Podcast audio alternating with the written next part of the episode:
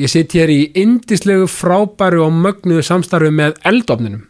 Eldofnin uh, Grímsbæ við uh, Bústaðaveg, frábærar pítsur, ég, mínar uppáhaldspítsur og uh, já, sko viðmóti líka sem maður fær á eldofninum. Maður mætir, ne, hvort sem maður er að borða á staðnum eða í, í, í hérna að taka með sér í takeaway, viðmóti sem maður fær, maður er alltaf bros, alltaf hlýja, alltaf gleði það er einhvern veginn bara, það er þessi fjölskyttu stemming sem maður finnur þarna inni en það er þetta fjölskyttu reginstaður og búin að vera starfandi í 13 ár. Takk fyrir túkall. En mín uppáhaldspizza akkurat núna er Siggi Spes. Ég vinn svolítið mikið með Spes matseðilin, Spes pizzunar og Siggi Spes er mín uppáhalds akkurat núna að því að það er jalapeno á, á pizzunni, gefur mér svo sterkan keim og uh, já, er, þessi pizza er náttúrulega bara já, hún er frábær. Og eins og alla pizzunar þarna og uh, við vinnum svolítið með, við fjölskyldan við vinnum með það að fá okkur sérst, hérna, eh, taka pítsu fyrir mannskapin og kvíðlusbröð líka. Kvíðlusbröð og eldafnunum er náttúrulega bara upp á 10,5 uh, svo líka fyrir manni sem mig sem er eh, algjör kaffi unnandi það er náttúrulega sko kaffi, sko þau, þau flytjum kaffi frá Ítalju sem heitir Ítalkaffi þetta er frábært kaffi og ítalkaffi og ítalkaffi fæst á eldofninum sjálfum þetta og í meilabúðinni ég mæli með þessu, prófa þetta kombo, pizza og kaffi. Eldofnin er opinn frá 5 til 9 alla daga nema mánudaga. Þannig að á mánudögum þegar maður er að spá í hvað maður ætlar að borða á morgun, sérst á þriðu degi þá getur maður að fara á eldofni.is og uh, já, bara fundið eitthvað fyrir sig og sína. Þannig að allir að fara á eldofni.is og, og skoða allt sem undra heim eldofsins hvort það er í, í pítsuheiminum eða í kaffinu? Gæstum við þessa vikuna er Bergsveitn Ólafsson Beggi Ólafs. Beggi er ekki svona frábær uh, skemmtilegur lausnamiðaður og jákvæður með eindamum og var hrikalega gaman að tala við Begga. Beggi Ólafs, gjör svo vel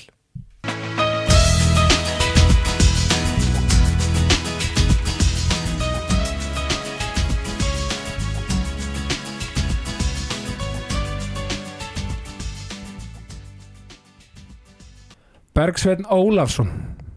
Vertu velkomin í ákastið Takk fyrir það, heiður að vera komin Já, sko minn er náttúrulega allir heiðurinn sko. Hvernig finnst þér að vera komin í svona podcast sem er með svona yfirskriftina jákvæðni? Mér finnst það bara frábært af því ég held að sé ekki hægt að klikka ef hérna mann mætir í podcast það sem er jákvæðni. Ég er alveg tilbúin að tala um hlutur sem er jákvæðir en að mér lakaði, lakaði mikið til í mér þegar þú sendir á mig. Já, sömulegis og bara takk fyrir að koma. Ég, sko, ert ekki sammála því að núna liðum við á öll hérna ljósvegans og, og hraða og samfélagsmiðla og eitthvað svona? Finnst þér oft ekki neikvæðin þó svo ég telja að jákvæðin og neikvæðin séu bæði mjög smittandi en finnst þér ekki neikvæðin svo ofta verða ofan á í umröðinni Jú, það er rauninni að því að hérna, það neikvæð er sterkar en jákvæð Já, er það ekki? Jú, þetta er bara hérna, þetta þetta áviðum í rauninni sko bara allt, neikvæða tilfinningar eru sterkar heldur en jákvæða tilfinningar þú Mhm. veist, uh, við getum bara orðið x hamingjusum en, en hérna við sko, þetta er svona Já. að, að við erum meira í rauninni við veikjum að að neikvæða grípur okkur, af því Já. að þú veist að neikvæða ekki drepa okkur í gamla dag af því að við upplum eitthvað neikvægt að gátu við actually dáið en ef við upplum eitthvað jákvægt þá bara svona, hm, bara vorum ánægð og heldum áfram Einmitt. og þess vegna grípur það neikvæð okkur, þetta er eins og bara ég myndir hósaði núna, bara komið fimm þig, bara, heyrðu, bara þú ert ógslag jákvæður og þetta er bara að vera skeipilægt þegar ég komið punkt að vera í podcastið og hvað sem ég myndi segja bara en hérna mér finnst það sko bara kaffi sem hún gaf sem hann, það er svolítið vond Já. Þá er ég að hugsa um það allan tíma þá myndur þú líklega bara muni eftir því Já, en ekki muni eftir þessum fjóru jákvæðu semst. og það er talað til dæmis um í, í samböndum já, að hlutfalli milli jákvæðara skilabáð milli maka að hlutfalli í, hjónaböndum sem, sem virkar vel og, og hérna mun virka til lengri tíma já, að þá sé hlutfalli 5 á móti einum. Þannig fyrir hver, hvert neikvætt sem þú gerir og hvartar eða þú segir eitthvað neikvætt sem meiðir tilfinningar á makaninum já, að þarftir svona bætað upp með einhverju 5 jákvæðir sem væri þá eitthvað rós, segja hvað þú ert þakkláttur fyrir einhverjum, gera eitthvað fyrir hann og þar fram eftir gutanum, sínum hlýju ve, ve, veitunum aðtekli og, og kannski það sem og, og ástæðan af hverju þetta er neikvæð semst, já, þetta neikvæð grípur okkur meira. Og þegar við fyrir til með sinna fréttamila sem ég reynir bara að gera sem minnst á sem minnst af Já, að þá er náttúrulega bara topplösnu frétnar yfirleitt eitthvað sem er neikvætt. Og þá líður manni svolítið eins og heimurinn sé bara að fara til fjandans. Já, að því að það er svona eins og nákvæmlega, það er svona fólk svona einhvern veginn svona kemur kannski bara eitthvað Bergsveit Ólason með hérna metsölu bók eða eitthvað bara, já ok, fl- flott mál, hérna það er glæst en hvað er hérna, hver, þú veist, lendi í skandal eða hver gerir þetta, eða skilur þetta er ótrúlega ríkt í mann skeppninni mm og, og, og þú veist, við erum einhvern veginn en, en, en svo er þetta líka svolítið svona, við getum svolítið líka vil ég meina, valið okkur hvort megin við ætlum að vera, sko. -hmm. þú veist, auðvitað er þetta líka aðstæður en ég tel í grunn þá getum við valið, þú veist, svolítið valið okkur viðhorf gagvart, þú veist, þeirri aðstöðu sem við erum í, eða munum mögulega verða í, skilur, eða veist, ég, ég trúi því, sko, Kristján, það er til 200 fólki í húnu Það er eitt fólk sem kvartar í veðrinu Já. og hitt fólki það tekur veðrinu með sér hvert sem það fyrir og ég er algjörlega þar, þú veist, auðvitað er lífið bara erfiður stað til að vera á og að lenda allir í einhverjum verðleikum og bara mismiklu verðleikum og, en ég vil samt trúa því að það er undir okkur komið að yfirstíga og þróa ákveði við þorf og hugafar og staðfesti að komast í gegnum á. Og auðvitað er einlegin er að þú veist vorkina sjálfur sér og, og ægreiði ég og okkur ég lendi í þessu og, og hérna allt þar fram til Einmitt. en það er bara taparasaga Já. og ég skil það rosalega vel. Og ég, ég fullan skilning fyrir og ég veit að lífi getur verið ansi erfitt fyrir Já, ansi marga. En samkvæmt minni bestu greiningu þá er það að þrátt fyrir að lífi sér þjáning þá vilt ekki setja meiri þjáningu á það og þá er rétta leiðin að ég get valið mitt viðbara gagvart áreitun sem mæta mér í einmitt. Sama hversu erfitt það kann að vera. Já en sem getur alveg verið erfitt einhver tíma og kannski tekur tíma að komast í gegnum það. Já, en að lokum það maður bara svolítið ákveða heyrðu þetta gerist nú þarf ég bara að halda áfram. Einmitt, nú þarf ég bara að þróa viðþorf og, og þróa er eins og sigur við að sögu þú veist, þetta er öll þessi saga sem við sjáum í bíómyndunum, þegar hetjan fer í hetjuförun og lendir í fullt af einhverjum erfileikum og síðan, síðan er hann að sigra staði já, og að því að stundum, við heldum við sem öll að fylgja okkur í söguhausnum. Annarkvort eru að fylgja, þú veist, taparasuga sem allt er vonlaust og maður vorkenni sjálfur sér og allt er neikvætt og, og maður er svona að lifa í, í, í bara í, í hérna, já, eða maður getur lif, lifað í sigurverðarsögu og tekið kannski eftir, heyrðu, ég gerði nú eitthvað sem hjálpaði mér að komast í gegnum þessu erðanleika heyrðu, beti, ég er búin að þróa ákveðið nýtt við þóra heiminn, ég er orðið nánar í fjölskyldur minn eða vinnum mínum eða ég er orðin sterkar, ég tók eftir einhverjum styrklegum sem ég hafði, ég er þrautæður en ég held ég er sterkar en ég held. Þá byrjar maður að fylgja þess meiri sigurverðarsögu og algjörlega. Getur ímyndaði hvernig það smitast. og þá kannski kemur inn í aftur hérna, eða aftur, eins og ég oft talaði um áður, sko, það er hérna eins og ég kallaði það secreta, það er að segja law of attraction, mm. er það ekki svolítið svona bundið við það er að segja að þú svolítið svona hún leggur inn og, og svona leggur, eða leggur út úr inni, það svolítið oft kemur tilbaka Mm. það er bara viðhorf basically, Mm. þetta er smá svona og tvist á þetta kannski. Já, bara svona eh, smá pæling svona ask and you, you will receive? og knock and the Mhm. door will open og allt þetta sko. Einmitt, og þá er rauninni ef þú spyrðið að einhverju eða þú ert að ímynda þér eitthvað eða vilt eitthvað þá er ansið líklegt að þú það einhvern tímann sko. Já, einmitt. Og að því að þú veist líka trúur á þetta manifesta þar að segja, þú veist, einmitt, að, að svona setja sér eitthvað og þá einhvern veginn bara mun að koma hvernig sem það kemur einhvern veginn, kannski partur af þessu líka. Já, þetta er, þetta er alveg hrikalega góð pæling sko. Já, og ég vil trúa því að hérna að maður manifestar eitthvað að þá sé maður líklegari til að ná því þetta einn sko. Já, og ég ég hef alveg gert það og gerði það og, og Mhm. hérna en það, það er kannski líka smá ólapp bara, bara því að hafa einhverju sína framtíðina og vera með einhver markmið sko. Já, já. En, en þú veist að, að, að, að trúa þig og komist þangað í daginn ég held að það sé klálega gott sko. Mér finnst líka góða punktur að þú segir sko hérna, þegar við erum að tala um þetta svona hérna, sigursögur og, og tapsögur og þetta. Mér finnst góða punktur er sko þegar þú talar um tíman þar að segja að fólk gefi sér mismunandi tíma í þú veist að eins og, eins og við rættum með maður sumir vinna x mikið úr ykkur áfalli og, og, og sumir og áfallin geta verið mismunandi og mismunandi til fólki hvernig fólk díla við hvert og eitt áfall og, svo framvegis. Mm og einmitt, en með skoða punktur hér að- eftir einhvern next tíma sem maður ákveður sjálfur hvort sem það er eitthvað eða eitthvað þá einmitt þurfum maður að taka ákvörðun. -hmm. Ekki bara þurfa ekki allir að taka ákvörðun til fimm dag eða skilur þú Mhm. mér finnst það svo góð punktur mér finnst það frábært að, Já, maður verður að leifa sér aðeins að þú veist, taka móti tilfinningum og þjást og þú veist, það er alveg bara sko bara nöðsynlur hluti af þessu og væri óðurlegt að maður væri ekki að þjást. Já, einmitt. Og maður þarf ekki að trubla sig frá því eða að vera að skamma sig við því sko. Nei, og síðan, þú veist, eftir ákvæmda já, þá þarf maður svolítið að að því að í enda dagsins, Kristján, ég meina þú getur fengið stuðning hérna og það, bara Já. vinum og fjölskyldmennum og allt svona. Síðan er þetta bara undir því komið sko. Akkurat. Þá verður þú bara snúa þessu. En að því sögðu þá er þetta ekki líka engi skilabóð sem að einhver í miðri þjáningu á að heyra. Hann, hann, þú veist, þá er hann ekki tilbúin til að heyra þetta. Nei, nei, nei, nei. en síðan það maður bara svona ákveða, þú veist þú er búin að vera þjóstaðins, ég er búin að taka mótu þessu, ég er að halda áfram og nú þarf maður bara aðeins að fara að vinna sig úr þessu. En, en líka kannski að sem er í þjáningum mögulega að hlusta á þetta en kannski, kannski líka bara holdt að heyra að þú veist og þetta er kannski bara líka vikur hjá ykkur þá bara mögulega ljósa anda gangana þar að segja ljósa í myrkrinu. Eða þú veist að sé actually þú veist kemur að því að endapunkturinn á þessari þjáningu kemur og þá þarf að taka ákvörðun. Já, og, og, og kannski líka að allt, allt líður hjá sko emmitt að sásöki sem maður finnur fyrir skiluru já, já, þessi mikli sásöki sem maður finnur, hann mun líða hjá. Já. það er eins og sásökin þegar þú ert að hlaupa til dæmis, þú hlaupa Mm. mikið. Sásökin í hlaupinu, þú ert í 5 km eða 10 km, hann mun líða hjá og þú mun sigrast á honum, þú akkurat, fer í kaldabæðir þú finnir fyrir sásöka í 30 mínútur Já. hann mun líða hjá, alveg eins og andlega sásöka með lífinu. Já. hann er ekki að fara að vera tilfinningar eru ekki langvarandi þannig að það er allt saman að fara að líða hjá og það koma betri tímar, maður verður að hafa von og trú á því að það muni gerast það er bara þrátt fyrir að staðan síðan ég veist, mér finnst alltaf gott að trúa því bara heyrðu, staðan er svona, mér líður svona Já. þetta er raunveruleikin sem ég Mm. bý við. Það sökkar, ok. En ég ætla samt að gera mitt besta og ég hef trúa mér að ég komist úr þessum erfileikum með daginn. Já, og þá, þá, þá mun kannski taka mig tíma en ég ætla að gera mitt besta og ekki draga mig niður, ég ætla að rósa mig fyrir hvert einasta skrið sem ég teku upp Já. og ég ætla að gera mitt besta til að halda áfram að miða upp.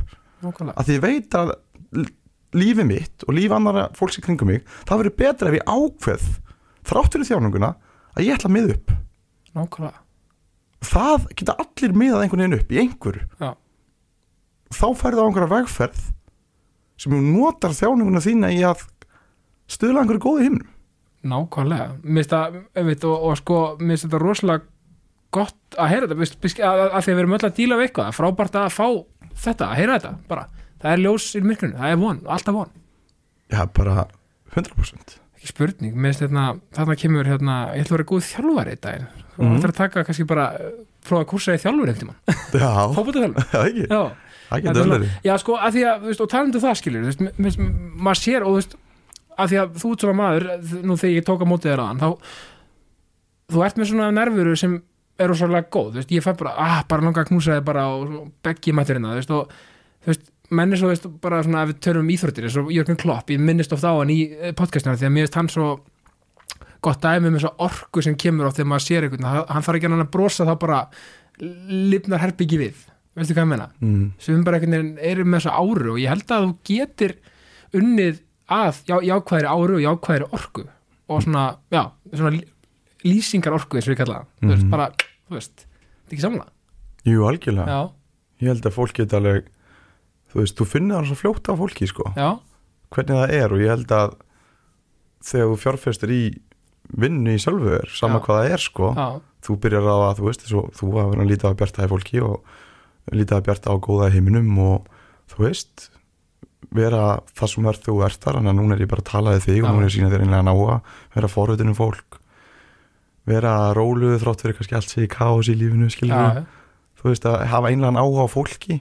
Ég held að sé alveg að þjálfa þetta upp. Ég held að það sé engi spurning og, og það er einmitt þetta sko og einhvern veginn hef ég allan tafð með það að, að eftir minni bestu getu að, að að skilja við fólk betur við það heldur en sko það, í því ástandi þessum var áður þegar ég hitti það sko Já. af því að ég hrýfst of mikið að eiginleika með fólki og ég man því að ég var að æfa fótbolta með Jón Jónusinni og núna erum við að tala um jákvæðinu og Já, hann er við komið í já, það. já, ég sá það einmitt og hann einhvern veginn var alltaf hann að hann kom inn í herbyggi og það lifnaði bara við herbyggi það var svo mikill stuðbalti og hann var svo þú veist, hress og skemmtilegur og maður fór alltaf að hlæja kringum hann og ég hugsaði, hm, hvað er þetta við Jón Jónsson sem ég líka svona vel við.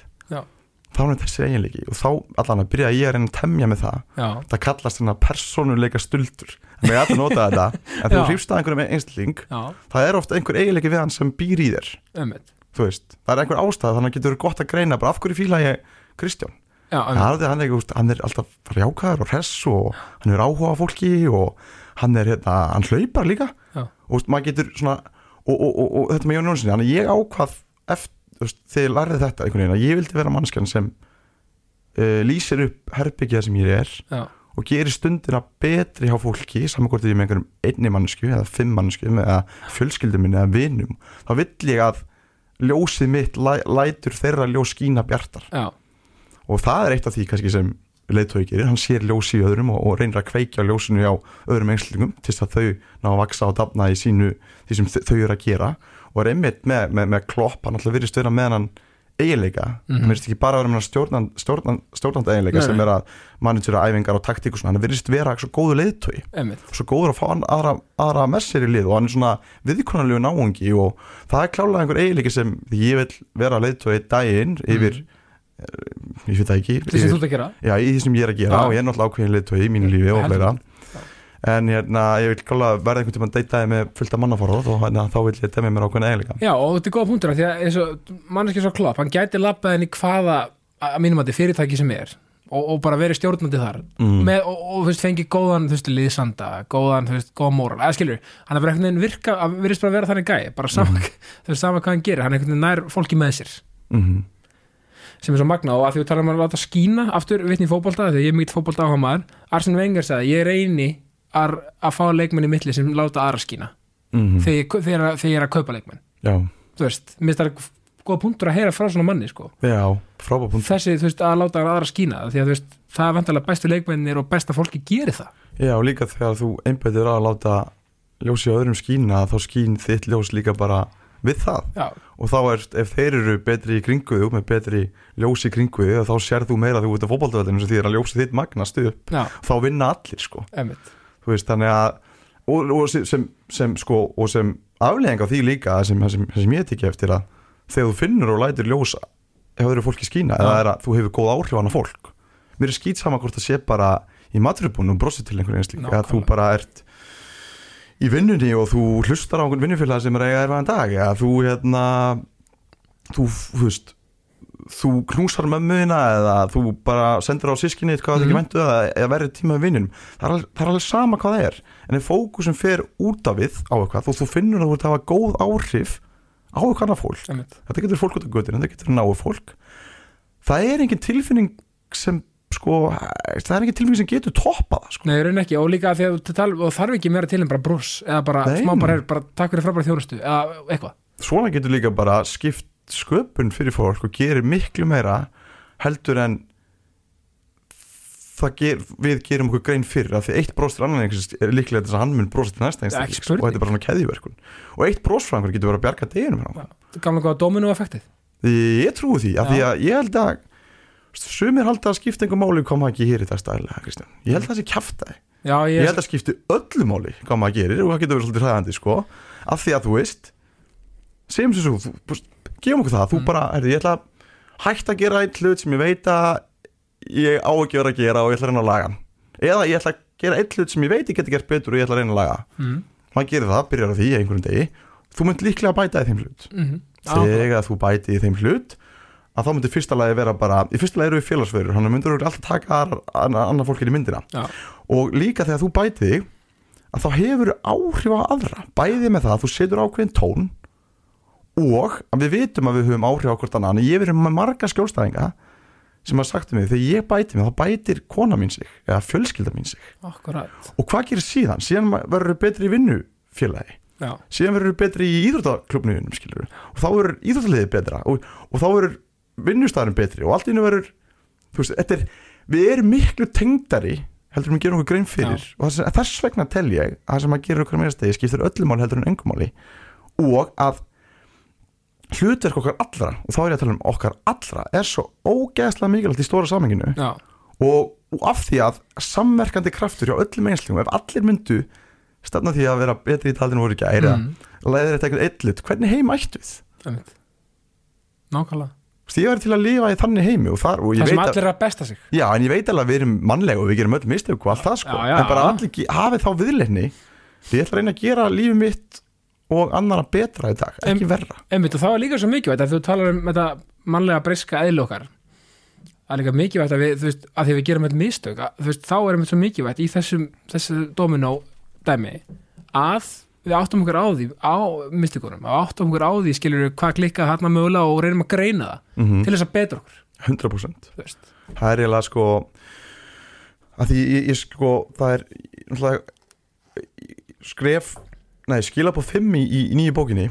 Einmitt. það heitir fáðu dómar með þeirri lið. Já, og það fjalla svolítið um það. Við erum alltaf, alltaf okkar vestu óvinnir sko. Við erum svolítið mikið að dæma okkur. Við megum ekkert misti okkur, þá erum við bara djöfisins hálfviti sem ert og Já. einmikið og getur aldrei gert neitt rétt og mjög mikið duglið því að rífa okkur sjálf niður. Einmitt. mjög margir. Örgulega, við gerum örgulega mest við okkur sjálf. Já, og rosalega dómhörð á okkur sjálf sko. Mm.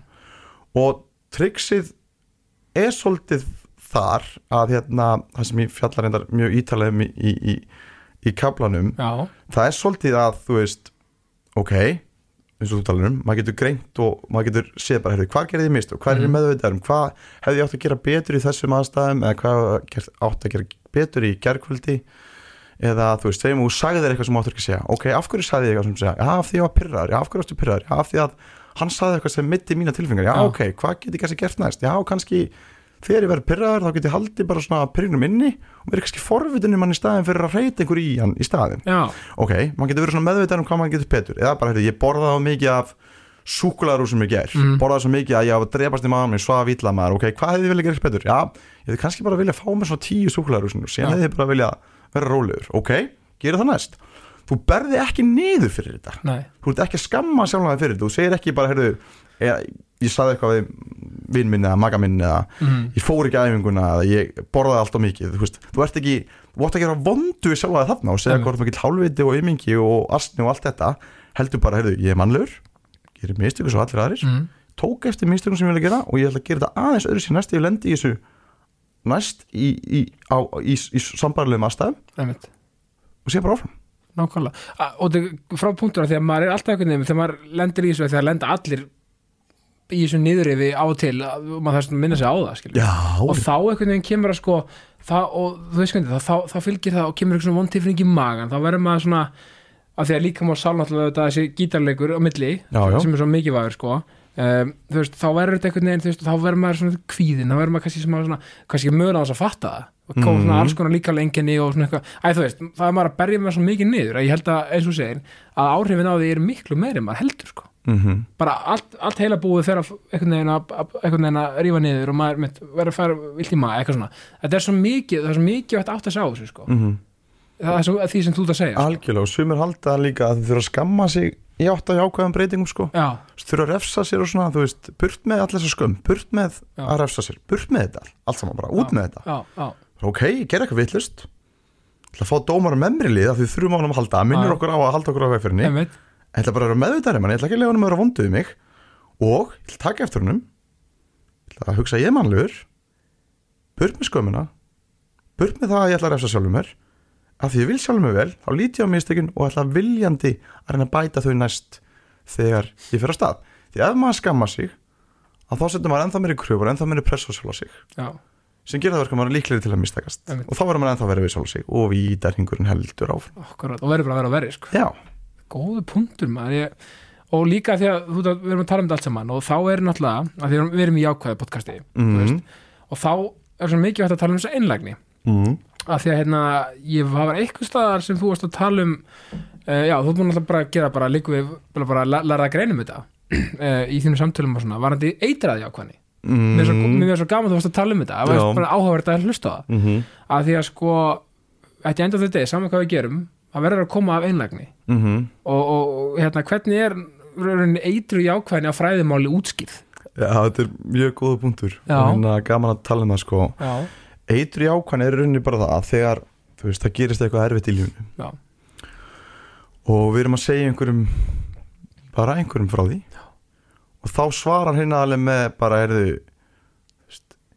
já, lí, já, líktu bara björtul hennar. Þú getur alveg komast í gegnum þetta. Og bara hérna, þú veist what doesn't kill you makes you stronger maður og Já. hérna bara farðu og gerðu þetta og hérna þá verður bara allt í góðu og þá er maður svona bara heyrðu, byrju mér langar bara strax að fá manneskuna bara úr minni návist sko, af því að Einmitt. þegar ég er að segja þér frá einhver erfiðu það er í fyrsta lega bara að leitast eftir því að þú, veist að, þú, þú bara tengið við mig þú Sýnir hlustir, samkennd sýnir og- samkennd, Já. samhegð herðu, ég finn, hvað, þú ert að, ég, ég finn hvað þú ert að finna fyrir mm og bara svona já, þetta er bara alveg umlegt. Og ekki að það er finna ykkur á lausnir endilega, bara vera með í þessum aðstæðum eins og við vorum að tala um aðan, í miðri þjáningunni já, þá eru við, eigum við ekki að vera ráðleikja fólki nema fólk byggja okkur um það. Akkurat ef fólk kemur og byggður ráð, að sjálfsögðu.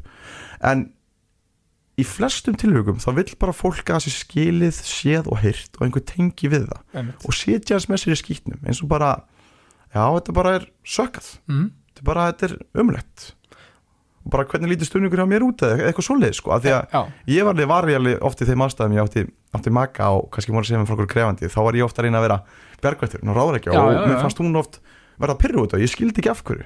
En þá var hún ekki að byggja um sálfræði hattinn Begga skilur og hann bara byggði mannin sem Begga skilur sem var tilbúin til að vera sitja með henni bara og, og bara segja já svona er bara, þetta er bara töff og þetta er bara, þú veist, bara eina gæsa bara þjáningabróðir. Rauninni, kannski sko. aftur þetta orð, þú veist hvað ég meina. Bara, já, svona, já, já. bara við erum að þjást saman og bara við dílum við þetta saman. Já, algjörlega og bara, þú veist, ég er tilbúin til að stiða þig og bakka upp sama hvað sko. Þannig að, þú veist, að ráðleggja eða segja fólki að vera jákvætt í þessum krefendi aðstæðum já, Það er allan ekki þegar fólk er allan að segja frá þér frétt, fréttunum í fyrsta skipti sko. Ég, veist, ég meina, ég hugsaði mikið hvað þetta set, senda á Emi Pálsson besta vimmin, skilur þegar hann fjall niður, skilur Þú veist, átti ég að segja við hann það sem drefið ekki styrki ekki og, og hérna þú veist, bara hún myndi læra þessu. Nei, nei, nei, nei, þú veist, og hann fjall náttúrulega frá í, í að stó í fjórum mínútur á fótboltaveldi fyrir á sem er, veit ekki að gerst það en ég sendi bara hann, heyrðu, ég ég í smá stund að ég myndi ekki sjá þig aftur.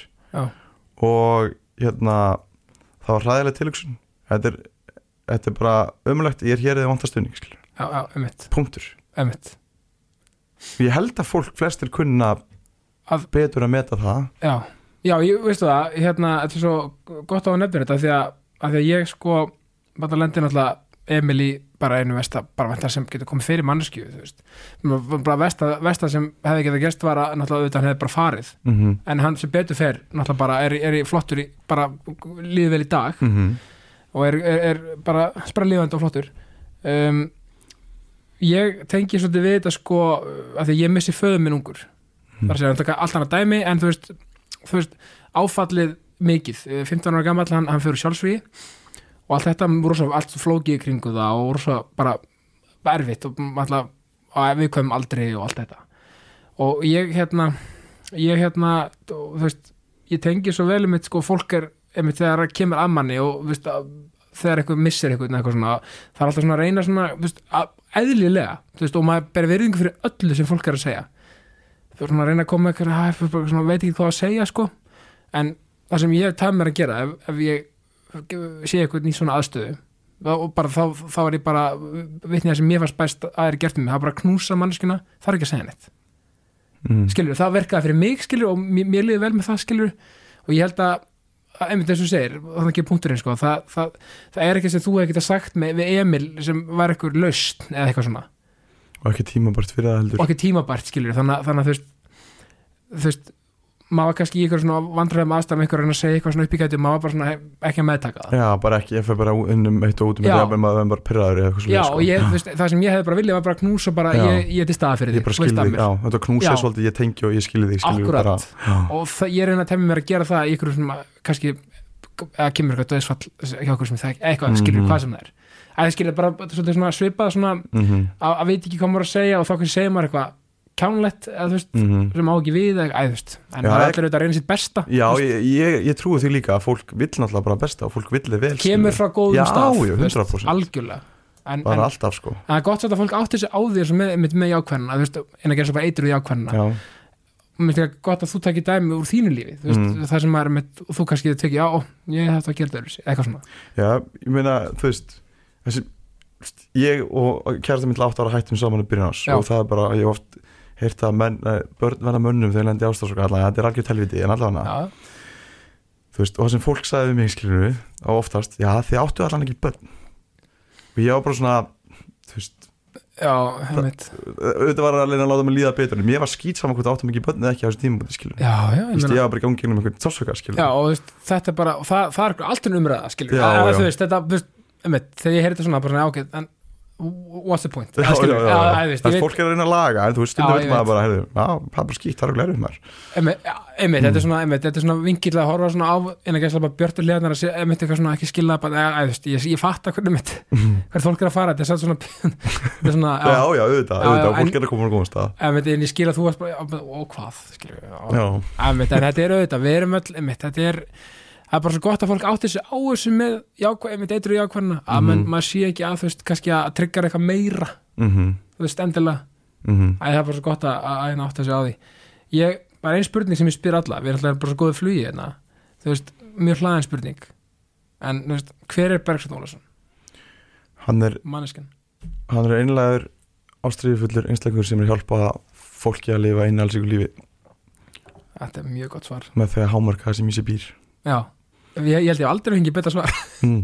en sko, það er svona fljótt svar þú kannar að svara svo oft að það Nei, þetta er, þetta er, einmitt, þú veit svona þú, og ég elska þessa vegferð sem þú ert á af því að ég vil meina það, lífið er bara einu stór vegferð sko. Mhm. það er, veist, endapunkturinn er bara eitthvað Já, Eitthvað jú, bla, þú veist. það er bara eitthvað, eitthvað sem maður tikkar í hér og þar sko, og, og veist, einhver, eitthvað takmark en, þú veist, einmitt, og er ekki mitt bókin Hýru stjórn, ég hef ekki lesað nefnilega en Mm. mm. þú, þú hefur talað um hana í þínu podcastum mm. og, og hérna talaði mitt um bókina við Óla Stef mann ég já, já og, og fleiri minni mig sko, um, er þetta ekki mitt bók sem við myndum mæla með að fólk lesi upp á með þetta, þessar vegferð sína og þetta svona, einmitt, sigurveri tapari, eitthvað svona? Jú, að veist, sko, Journey er svolítið svona Journey er minstri sem við lifum í basically, að lífið er bara svona Journey er þannig, svo útskýrir maður bara veist, þetta er svolítið í að að lesa hana sko. Er semst í, í undirleikandi Lord of the Rings og í Harry Potter og fleiri myndum Já. og það er ástæðan af hverju af, af hverju okkur líka svona vel við þessar myndir er ekki bara þegar það er skemmtilegar, skilur Nei, nei. það er því það er eitthvað undirleikandi sem talar til okkar. Oft talar hetjan til okkar. Og oft er hetjan bara í þessum daglega lífi byrjar á svona myndin, bara í Mhm. þessum daglega lífi og síðan alltaf kemur óvænt kall. Já. það var svo það Gandalf segir Frodo er þið búið að fara að eða þessum hring. Og kalla Frodo- handan. Já, þú Já. veist, já. Og, og Frodo bara nei, ég ætla ekki að fara á okkur svona. Já, og síðan ákveð Frodo að fara, skilur einmitt og Frodo fer og fær með sér liðsauka og þángar til að fara yfir hann það sem Frodo segir held ég, hef aldrei farið svona langt frá hér aðeins já, einmitt, voru þá- ekki að leita mordor jú, jú, og, jú, og þá fara þær í óvissuna. Og þegar maður fær svona óvænt kall í lífinu þegar það getur gerst, kalli getur komið kannski kemur eitthvað óvænt fyrir lífinu og fann eitthvað tækifæri sem vil stökkva á eða eitthvað svo leiðis og síðan tekur það og í óvissinu þá lendur í alls konar erfiðleikum Já. eins og Frodo á þér, það er bara, maður held að þið væru bara ekki að fara að lifa þetta af sko. Bara, bara rosalega mikið af óvæntum atbyrðum, áskorunum nær döiðaðin lífi. En einhvern veginn náður að sigrast að því já, þroskast og þau koma tilbaka sem gjör breyttir einslingar hafa þroskast og lært mér á lífið og stuðla vanalega að einhverju til samfélagsins. Þú veist, þau björguðu heiminu frá góðu nei, frá illu og Já. fara annar góðu og náðu síðan að stuðla einhverju að í rauninni, já, bara að héræðinu Já. og svo Svona- og síðan öðlast er einhver þroska fara einhvern öðru sér síni svo fróta og hann endaði með því að hann vildi ekki lifa í héræðinu og fór eitthvað annað. Einmitt. En allan það talaði um að þessi hýrostjörni, þetta sé svona undirleikandi í okkar eigin lífi og það er að leit- líta svolítið á okkur sjálf sem hetjunar í okkur eigin lífi sko. einmitt. Og að sé alltaf, þú veist, þráttur þessi erfiðleika svona, þá er maður alltaf að vera sterkar og sterkar og sterkar hvern einustu áskonum sem maður lendir í þá er tækifæri til þess að verða öflugari já, skilur, og læra. Og læra og þroskast og sjá lífið með öðru sér augum og veist, þróa öðru sér viðþorf og, og komast yfir það. Og það er ekkit og þarna, þú veist, það er engin, það er engin mæling yfir það hversu sterkur að öflugur einstaklingur getur verið. Þú styrkist hverja einustu fjárhans áskorun sko. þú veist, saman hvað hún er. Sama hvernig, svo maður sé lítið eins og að fara í íspað þú veist, þú styrkist við það sko. En einhver, eða lífið kemur óvænt og bara handrótaði og þú kannski Já. ert off í þrjá fjóra mánuði eða eitthvað sliðis, en, en þú veist eftir það, þá, þá safnar þau styrknum sem þroskaði svo mikið í að halda áfram sko. Algjörlega og, og, veist, og þetta er einmitt svona, svona partur af minni hýrustjörni er, er þeirna, því miður að lendi þessu áfalli með pappa mm. og, og, en, en að móti kemur veist, eins og ég talaði um áður það er þannig að veist, þessi atbyrður eins og ömurður hann var, ég vildi ekki tekja tilbaka. Skil, að veist, að það hafi ekki gerst. Þá samt þetta það jákvæða sem ég tek út úr þessar reynslu það að nú er ég veginn bara með bara góða brynju fyrir öll að skilur svona ég, það, það er ekkert það er lítið sem kemur mér á óvart og það er lítið sem getur stuðað mig mikið andlega, það er að segja að ég hef upplifað svona stórt áfall þá, þá, þá er að eins og margir kvarta kannski yfir einhverju sem ég tel vera smávalið þá finnst það hefur engin áhrif á mig skilur það er vandamál, Mhm. eða veist hvað að minna Mhm. þó svo ég sé ekki að lítið um vandamálum með fólki, bara mín ég lendi svona þannig áfalli að að ég, veginn, ég tel mig vera brinnvarinn fyrir svona flestu sem lífi getur hend á mig sko Mhm. Og, og, og það er einhver reynsla sem maður getur ekki bara keft sér, eða þú veist Mhm. og hérna og, og, og, og á jákvæðan hátt það gerir mig að let mig hérna meta lífið betur og let mig hérna áttum á því að við erum döðleg og döðin er raunverulegur og okkur ber að njóta bara lífsins og, um, og, vera, og reyna betur okkur og allt þetta skilur, þannig að þetta, þetta kendi mér það á mjög leðilegan hátt og leiti mig að jákvæðri lífið sko, Mhm. skilur bara sem manneskja Mhm. Þannig að ég allan að tek það úr því og þannig er þú svolítið skilur í rauninni að skapa þér merkingu úr þessum hræðilega atbyrð sem hjálpa þér í framhaldinu auðvitað er hann tekið í og auðvitað er hræðilegt og já og maður er alltaf að díla við já, já, alltaf díla við þetta på þetta og sorgin ennþá já, ég, ég græt oft og bara Já. og, ég bara, bara rækli kona mín er hjálpa mér mikið í gegnum það og Já. bara ég er búin að finna mér þannig svona st góðan stuðpúða sko. Mhm. en þú veist, og síðan heldur áfram skilur og bara horfa sjálfa þér núna skilur hvernig, hvernig karakter þú búin að þróa og, og bara ennþá í bíkjær skilur algjörlega. Þannig að þú veist, þú einhvern veginn nærða að líta á þetta þannig að þú ert að nota þetta þér í hag Já. skilur sem er töluvert meirilega heldur en að vera bara ennþá í dag eða þú væri bara já, ég meina, og, og, og, veist, og ég leiti bara á þannig sem 15 ára gammal strákur, veist, það er bara annarkot svolítið aðabíð, annarkot er ég bara að fara að sökka mér í eitthvað bara þú veist, bara eitthvað, eitthvað volæð, skilur Mhm. eitthvað volæði, eða bara ég ætla bara að reyna að taka þetta og vera þú veist, leða mér að finna fyrir öllu, skilur en líka bara taka þetta sem og vera sólamein og, og horfa glasi hálfullt og taka, taka þetta með mér í staðan fyrir að láta þetta ríða mig niður mm -hmm. og svo líka gera þetta með betri fóldrið ég, ég á tvö lítið börn og þú veist, ég tel mér veist, betri fadir fyrir vikið þú veist, þar að segja út að maður hefur þessa reynslu kannski hefði ég orðið jafn góðu pappi það skilur líka, Mhm. skilur en, en ég ætla ve- mun aldrei vita það. Þannig að, Mhm. já, ég tel að þetta sé svona þú veist, ef maður, hv- hversu mikla virðingu ég beð fyrir lífinu, að það svona hjálpa mér að vera betri pappi og svona njóta mómentana og allt þetta. En, Já. já, þú veist. Algjörlega. Þannig að ég er rosa og ég, er bara mjög stoltur af hvernig ég tók á þessu. Mm bara, og það, það, má hrósa sjálfur sér í ákvæmstinu já, hafðu þetta við höfum öll að duglega því. Algjörlega. Og, og sko en hérna, einmitt, þegar þú nefnir bókina mér langar aðeins að fara yfir það eftir smá. Ég, hérna, lang, ég verða að ræða við aðeins um, um fótboltana því að þú hættir 2020 já, rétt fyrir mót eins og frækt er. Já, að, það var svolítið það var ekkert að gerast í hérna, umræðinni fótboltanum hann að þessum tíma hann að tekinn svolítið fyrir. Já já, en ég menna, og, og það er bara þú vantar að tekið því bara og, já, já, ekki stressa því en, en, en, en þú menna átt mjög flottan feril, fjölinu FH mm. Ég taldi 267 deildalegi, 17 Mhm. mörg, það er gott fyrir hafsend. það er endar, já, var okkur til rafsend Já, það er mjög gott og, og hérna átt titil með, átt tvo íslensmyndari til það. já, einn Íslandsmyndilin, við Já. töpum í byggarinn síðan árið eftir IBF. það hefur verið gaman, já, Einmitt. var alveg skelluleikur Byrjar inn á það. já, ég var að herra í bakgrinn Já, já.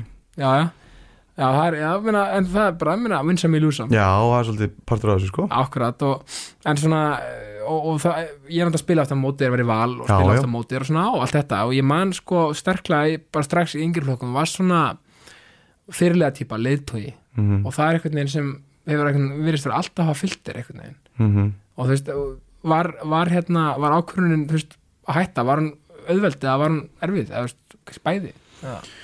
Já, sko, varandi fyrsta punktin með að- að vera leiðtói þá hérna þá er ég bara einhvern svona náttúrulegu leiðtói sko, Mhm. og áttaði mig ekki á því af hverju ég var alltaf fyrirlið sko, því ég bara var ég og einhvern veginn afleggingin var svo að ég bara dreif á aðra með mér og, og ekki ekki vantaði karakterin í þetta fjölninsli í enn Nei, árgang, nei. skilju þannig að þú, veist Þannig að sko og, og ég rifi alltaf upp sko uh, sko ég hafði miklu meira áhrif á æfingar og strákan heldur en gerði mér nokkuð tíma grein fyrir. Ég Já. var bara ég, ég var bara að gefa allt mitt og með því að, ge- ef þú vilt einhver fylgið þínu fordami þá gerur hluti, nú segir hann ekki skilur Nei. ég get sagt ímislegt, en En ef ég fylgi ekki verknæði þá er þetta innan tóm orð skilur þetta var ekki talað. Þá hefur áhrif skilur bæði varandi uppeldið völdunum eða þú veist varandi bara að vera góðu leiðtói einmitt. það var svona al eiginleiki sem kannski engyndi mig sem ég var rosalega góður í að drífa ég setti ákveðin standard ég setti standardið mjög hátt fyrir sjálf á mig já, og fyrir aðra í liðin en síðan var ég bara, heyrðu, viltu koma?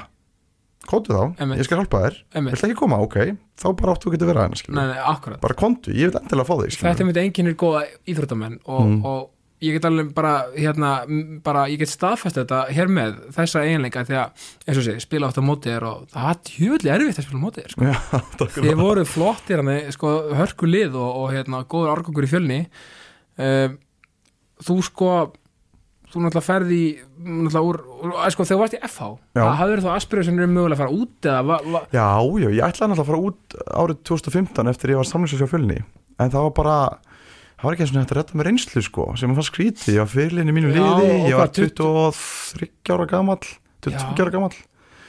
Og ég var með svona draumin að fara til aðverjum sko þá. Og í efstu deild? Já, ég var aftur já, Já. og fyrirlinni mínu liði og allt Ég sko, það, sko. og og var það tímulið sem voruð næstum komist næst í í, já, við vorum í Európa-sætti held ég eftir na, Já, við, við lendum held í, endiðum í sjötta sæti alveg- árið eftir á var held ég sem við vorum mjög nált því að alveg, ef mér sjötta sæti fyrir fjölni í efstu deild er bara frábært, bara, með ungt þetta var besti árangur fjölnins í, í, í, í efstu deild minni mig Einmitt. Og, en þá hérna, vist ég komst ekki út þá hvað ég að fara í F og, og, og svona fara í hálfa, hálfa aðrinumennsku Já, og það var alveg því gæfa spór og með þykir rosalega vænt um F sem klúb og með að tekið svo vel og þetta er svo mikið meistara umhverju og lærir að og er þetta útskýrta, bara menningin krafan, leikmennir, þú lærir einhvern veginn á svona sigur sigur menningu Ég ætla einmitt að fara að segja þetta, þarna mitt kom líka punkturinn að því að einmitt, þarna vantar að læri, eins og segja, mikið af, einmitt, af þessum gaurum og þessu, Mhm. einmitt, þessu að mæta bara, og þetta vantar að rosalega mikið verið í harmoni við þinn karakter, að mæta Mhm. í svona umhverfi að því að FH er með orða á sér, að sérstaklega þeim tíma, svona, svona þú veist, frá 2000 og kannski, veist, áður en smá lagi núna, en klubburinn er bara svona, þetta bara, fólk mætti bara og menna að tala um það, æfingarnar undir heimi, sérstaklega, það var bara, þú veist, tempo það var rosalegt sko. tackles flying eins og ég segja. Já, já, bara sko, þú gast aldrei og því að FH hann er búið að vera í fyrsta öðru sætti síðastliðin sko 12-15 ára sko, bara algjör besti klubur á landinu síðast alveg, já, þú gast aldrei eins og í fjölinni kannski bara sem er flottu klubbi, ég byrjur fulla vinningu fyrir mér finnum klub, Já, í fjölinni gastu í FH gastu ekki verið bara úst, æ, já, bara svona þannig ég sluti þreyttur í dag ég ætla að vera eins rólur á mitt ekki sens, þú Já. varst bara alltaf að vera 100% og það var bara þvíli tempo já, og það var bara raunaðið og þú varst ekki klár emitt, og það var bara sett kröfur og séu voru allir bara bestu vinnur og allir voru alltaf bara veist, allir voru að gera til að veist, viljum hverjum öðrum vel var bara voru að láta betra hvern eitthvað heyra. þannig já, já, já, já, og þetta var því líkt lærdómsfullt og ég lærði rosalega margar hluti af heimi og í FH sem, sem ég hefði verið að læra miklu fyrr. Já. þá upp á Uh, átturum með sko fleira að já, gera já, en, en af því sögðu samt þá kom ég í FH frá fjölni og Emil sagði þetta við mig um daginn og maður það svolítið gaman að heyra það sjálfur og það er svona nostraðið kannski egoða mitt eða eitthvað svo Mhm. já, að þegar ég mætti að þá var ég byrjað að æfa veist, var ég ennþá að æfa og því ég æfði, ég var æfingasjúkur já, sko. já, þannig ég var að æfa helmingi meira en allir já, þá voru allir bara lítandi að betur hvað þessi gaurur hann mætir frá fjölni og hann er bara æfandi Já. helmingi meira við já, þú veist, ég þarf að fara að ríða mig upp en þá komu Emil og Bötti og allir strákanir komu og já, ég, aftur, ég vissi ekkert að ég hef verið að, þú veist, ég áttaði mig ekki á því að ég hef verið að hafa þessi áhrif sko. nei, og varst ekki að flagga því að svoleiðis Nei, nei, ég var bara að æfa að reyna að Já. gefa allt í mig þetta að vera bestur að komast í aðrum sko vera eins góður og ég gæti í fótbolta sko. þetta er ekki ástæðan okkur heimi Til Já, og, ástæðan af hverju hann kunni vel við mig sko Ég Akkurat. bara laði mitt alltaf allar í sjálfuna af sko. því þú byrj, sko, ég, ég man að mér er bara gaman að ræða um því að veist, bara, af því að þú veist, þú ert svo ég held að fólk gleymi því núna hvað ert svona, þú veist, þú varst frábær leikmaður sko. Já, ég var, var góð bara, leikmaður sko bara, veist, bara, bara ekki gleyma því fólk bara, hann var sni, snildar hafsend og varnamaður, sko, þú byrjar sko, tímanbilið sem þið verið mestarar, var ekki 2016, 2016, já. EM Mhm. þú byrjar eiginlega bara fl flesta leikið ekki Ég byrjaði alla leikina Þú þú veist, fram, að, fram að því sko, að fram að því öru mislismistar þá gaf hann einhverjum öðrum séns. Ég var í lið umferðunar fyrstu fyrstu umferð til 11 Já. sérst fyrirpartinn og ég hefði átt að vera í lið ásins það var bara ég gerði mistökumandi breiðaflik sem ég held að fólk hefði tekið mikið eftir talandi um að neikvæða er ekki að ég jákvæða maður þetta heimir tala um það svona aðeins sem ég djóki í podcastinu þegar hann kom til Já, já, já, mjög fyndið Já, mjög fyndið sko og síni hvað heimir er hérna mikill húmoristi þegar með, með dyrka gæðan sko. Það þetta er bara algjör, algjör toppnáungi sko. Algjör toppnáungi. En, ég sko, fótbolti sko, því spurði maður án alltaf hvort ég var erfitt og svona, Mhm. það hafa hætt og mm þú veist, F á tímanni sko, þú veist, þú ert að spila í Europakefni og ég held að, þú veist, ég vissi ekki að það væri svona að spila í Europakefni, ég held að það væri ekki svona mikið, þú ert að spila í Europakefni og líður eins og sérst í aðverjum sko, þá ertu bara að spila fyrir framann 15, 20, 30 manns þú veist, í einhverjum útileik á móti bara stórum klubum eins og bara svo vorum við þessi Braga og fleiri Já. klubum sem fóru síðan bara í já, mistadilina þú varst í þeim leik maður. Já, Já. FC Braga og síðan voru að spila með Maribor sem hætti Liverpool í, í undakefninni og, já, og, og að spila þessa leiki veist, heima og úti og, svona, og það læti mig bara svo vá hvað það var geðvikt fólk á úti vill að púa og svona, Já, og fá bara svona, já, svona alvöru ultras og svona. Já, finnur pressuna, mikill peningur undir skilur mig. Já, já, og allt þetta og, og, og, og, og hvort það var, sko til að svara spurningunni hvort það var erfitt að hætta. Já, það var náttúrulega hund erfitt sko Mhm. en þú veist, ég var svolítið ég er svolítið svona gaur sem fer allur inn ef maður sletta hans íslensku og vil gera hlutina. Ég vil ekki sjá neitt þakki það sem ég er að gera. Ég vil bara, ég get bætt mig endalust í því. Já, og ég þegar ég fór aftur, ég fekk nýjan þjálfur að fá og, það fór eins og það fór og ég fór Mhm. aftur í fjölni, þá misti ég svona kraftinn og drauminn að vera atvinnumar í fótbolta Já. var orðin eldri, 26 ára, 7 ára og ég er svona ég er kannski maksa fyrir að vera atvinnumar í Nóri ef ég legg mig fram bara næstu þrjú árin og eitthvað svona já, skilur.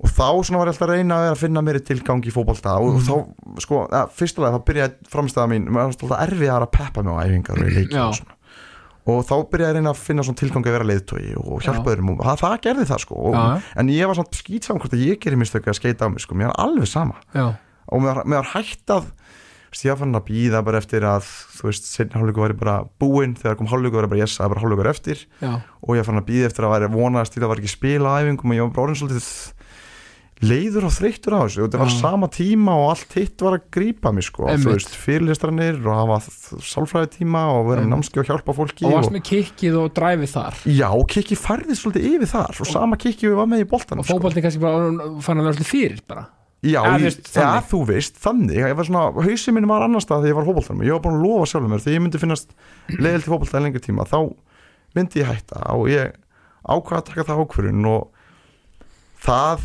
náttúrulega bara galopnaði líf mitt og gerir líf mitt náttúrulega miklu flóknara. A, já, og að því líka, þú veist, eh, sko, það sem fólk átt þessu ekki á, þú veist, að verandi spyrjandi í íslensku deildinni.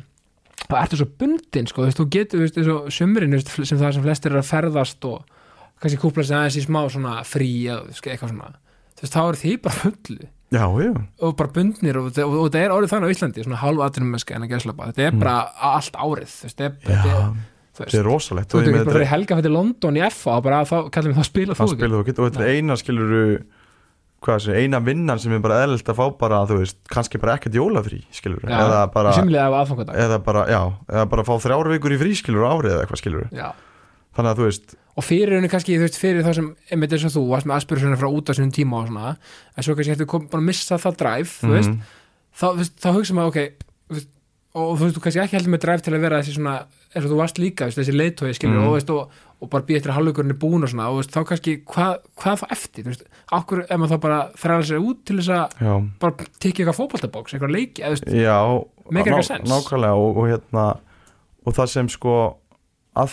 að að líka við það skilur ég fekk nú fín, fínan pening í þessu og ég Já, var bara var góður í þessu, ég vissi ég er góður í þessu en það í dag, ég veit ekki, ég tekið fann skóna og bara staðið mig ágætlega. Og þú veist, og ég vissi ég er því góður næsta ári í þessu. En þú veist, fyrir mér að halda fram að gera eitthvað því að ég er orðin leiður að því þá vil ég bara fara að gera eitthvað nýtt og stuðla einhverju meira. Og ég svona hans að vera eitthvað dramatiskur og bara svona og hans að setja eitthvað niður á fótbolta sko, því ég dýrka fótbolta, ég sakna fótbolta og ég var alveg til í að fara í fótbolta. Horror á fótbolta? Einhvern veginn aftur, já, á fótbolta Já. og fylgist mér svo mörgum strákum í pestilin sem eru vinn mínir. Já, já, og ég fæ oft svona sem sko bara að keppa þú veist, tapa, vinna, Já. allar þessar tilfinningar og, og þetta bræðarlega sem myndast í fótboltanum ég sakna þess meirin í hjælt en þú veist, maður er að fylla upp í þetta með hlaupunum og, og fleira sko en það er kannski, ekki alveg að fylla í, í það sem maður fekk nákvæmlega fótboltanum. Nei. En að því sögður samt, þá, þá tel ég bara mitt hlutverk vera starra í þessum heimi og ég held ekki geti haft áhrif á fleiri fólk með þessari ákvörðun og orðið betri í sem ég vil vera betri í. Það er það ekki starra og ég bara tekur þínar ákvörðunir í þínu lífi og bara stendur og fellur með þeim og þetta er ákvörðun sem ég tók og þetta er ákvörðun sem ég sé ekki eftir þetta er Nei. ákvörðun sem ég gert líf mitt flóknara, erfiðara innhalsíkara, ánægilegra og veitt mér tækifæri sem ég hefði aldrei fengið hefði ég verið áfram í fótbolta þrátt fyrir að það hefði örugglega verið fínasta líf að vera áfram í fótbolta sko. Já, já, og bara, veist, þetta bara hendaði þér ekki lengur og mér, er svo hugrækt að bara þótt að, að því að sumir hefði mögulega, að stutt í mót já, já, er ég læt mér að hafa það eitt tímabilið bót mm -hmm. skilur þér gott að blessað en þú bara, nei, herru, þetta er komið fínt. Bara, að, mér finnst það- það svo cool. Mm þú veist að því að, þú veist, við, við erum bara okkar við, þú veist, við, við erum stjórnendur hjá okkur. Við verðum að gera það sem okkur það sem, það sem er best fyrir okkur. Algjörlega og mér fannst líka bara ekki Í lífinu, sko. já ég er samanlega, mér fannst bara ekki svo ég sagði, ég er allur inn, gaur. Ef ég Já. gerir eitthvað þá gerir ég það 100% akkurat, og mér fannst ekki sangar hvað fjölinni að ég var að sitja á einhverjum bara háum launum og ég var í, bara í 70% skýr sko. Þrátt fyrir að þeir hefur örgulega tekið að ég verið í 70% skýr en ég hefði ekki viljað það skilur og þá hefði bara betra að einhver annar, annar nýti sér þann samning og það, það, það var líka, ég hugsaði þetta ekki bara út frá sjálfum mér skilur og Nei. þetta hefði allir viljað hafa mig en þú veist, ég bara tókstu alla póla bara í þetta já, já, þanniglega sko. Já, já, síðan verður maður bara að taka slægin ég menna það er fullt af þú tekur svona stóra ákvörðin það verður bara svolítið að vita hvað stendur fyrir og hvert að fara og, hérna, og bara vera þú veist, staðfastur í því því sko, þú síðan farið fullt af fólki sem dæmið þig og sem stiði í þessu hvort sem er nákomið eða, ekki sko. og er þetta líka bara svolítið partur því að kannski maður kemur aðeins með sálfræðina að vera bara ekki meðvirkur með, Mm. þú veist, um hvað, að skilur ég veit ekki hvort að meðvirkning kannski passa inn í þetta, ég er bara að velta þessu fyrir mér að vera ekki þá kannski meðvirkur gagvart einhverjum, einhverjum sem maður heldur að aðri vilja. Já, já, sem maður heldur aðri vilja einmitt, þetta er vel orðað hefur sko.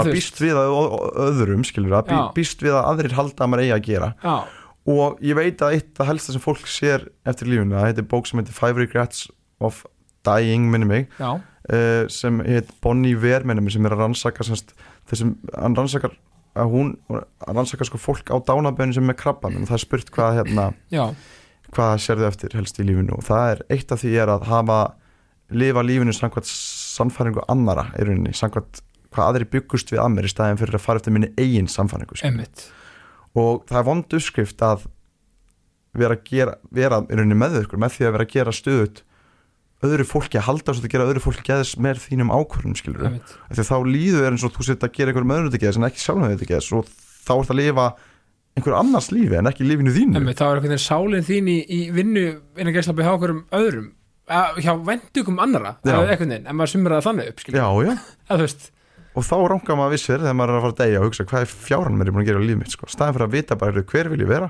Já. hvernig ætla ég að fara ángað hvað hindran að vera á veginum? Já, annar fólk að fara að dæma en ég er ímyndað mér að annar fólk sé að fara að dæma mér. Ok, hvað ætla að gera þá? þá ætla ég að halda áfram í menni veg fyrir að vera sem ég ætla að, að trúa því sem ég ætla að gera og hvert ég er að fara. Og þetta viðhorf líka, sem er svo magnað. Ég segi það með allt líka þú veist, hvort sem er ástriða, þetta viðhorf eða hvað sem er aldrei er seint, ef, ef ykkur er að hlusta og er kannski búin að svona berjast í þetta, þetta að svona bara brjótast fram í þessu hérna, að þarf að segja að gera annarkvæmt það sem hann eða hún eða, eða, eða það, þú veist, manneskjan vill skilur eða eitthvað bara vill taka slæðin en þórið ekki eitthvað, aldrei er seint, gera það bara. 100% það er bara sko þroskast á þínum bara eigin hraða sko, ferðast að gennum lífið á þínum eigin hraða sko, mér er alveg saman að fólk sé 20 ára eða 50 ára sko, það er aldrei Já. seint að byrja á staði einhverju veffer sem fleitið er á einhverju staði sem er óræð ekki fyrir sko. Einmitt, og svo líka þannig eh, sko, ég nefndi þetta einmitt á líka Joe Rogan, sem ég mjög gaman að hlusta á hann talaði um það sko að, að talaði um ástriðu og svona að fólk sko oft, það er svona mismöndi forsendur í lífinu, sem eru kannski 21 ás bara, er bara að finna það sem vilja gera finna ástriðuna sína og, og, og finna sína vegferð og er kannski ekki með, maka, húsalán, hvað sem það nú er á þeim aldrei, 20, 21 eitthvað. Það kannski þeirra leiði kannski greið af því að, að, að rekta ástriðuna versus kannski eitthvað sem er færtur, em, kannski með börn og með húsalán, kon- giftur eða þú veist, whatever, mm -hmm. eitthvað svona bara skuldbyttingu á, og ábyrða einhverju. Mhm. en og hann segi ok, þá er hans forsenda bara þá, þá ef, ef svo manneski vill eitthvað þá bara grænda kvöldin, skilju þá bara, þú veist, þegar allir eru sopnaðir eða þú veist, börnin og, og allt komið í ró þá getur unnið að þínu, eða skilju, þú veist forsendin er bara mismöndi kannski eftir aðstæðum. Já, og það er alltaf leið. Alltaf leið, alltaf af því að ég held að maður, maður er sko að óttast staðin meira sem maður er á ef hann er að gera maður mannsalan heldur en staðin sem maður gæti verið á. Og þá þarf maður líka bara að undirbúa sig. Ég menna, viltu skipta vinnu, ertu búin að uppfara sífið þitt? Ertu búin að sækjum fullt af vinnum? Þú veist, ertu búin að leggja í vinnuna þú veist, til þess að vera jákvæða breytingin. Já, já, og þú veist og ok, hvernig lítur það plan út? Ekki bara, nei, ég ætla bara að halda áfram í öryggastarfinu mínu og bara, ég er samt að drepast úr leiðendum og líkunar á því að sem er að drepast úr leiðendum eftir fimm ár, það eru bara þú mun drepast úr ennþá meira leiðendum, skilur um mig en sem skilur maður fólk sem er með ákveð öryggi og svona, sem vilja bara hafa ákveð öryggi. Já. en, þú veist eitthvað skref í, í áttina að, að gera eitthvað nýtt, það er aldrei sent að byrja að prófa nýtt og prófa að fara í smá svona ævintýri. Því Já. lífið er ekki, þú ert ekki á lífið nema þú sért að gera eitthvað nýtt og eitthvað krefjandi og, og ég held að við sem mannveru þurfum það á því að halda sko. Einmitt og, og, og, og sko einmitt, mjög góða punktur og, og, og ég ætla að tengja þennan punkt þegar ég ætla að tala um hérna rítöfundin begga eftir. Já, við slum muna þetta, Já, þetta er góða punktur. Sko, þú veit náttúrulega eftir fótboltan eins og ég að lág beirast þig að fara að hlaupa og lifta af því það er svona, eins og þú sagði á næstu því svona, þetta er svona sama element. Já. Það fá endorfin kick, svitna þú veist, vera svona að pumpa og svona, þú veist. Mhm, og bara ekki kannski með mitt klefan og, og hérna styrtuna með strákunum og allt þetta skilur Mhm. en þú ert náttúrulega bara rosalega hlaupari og varst að taka lögavegin um daginn. Já, og bara gekk vel.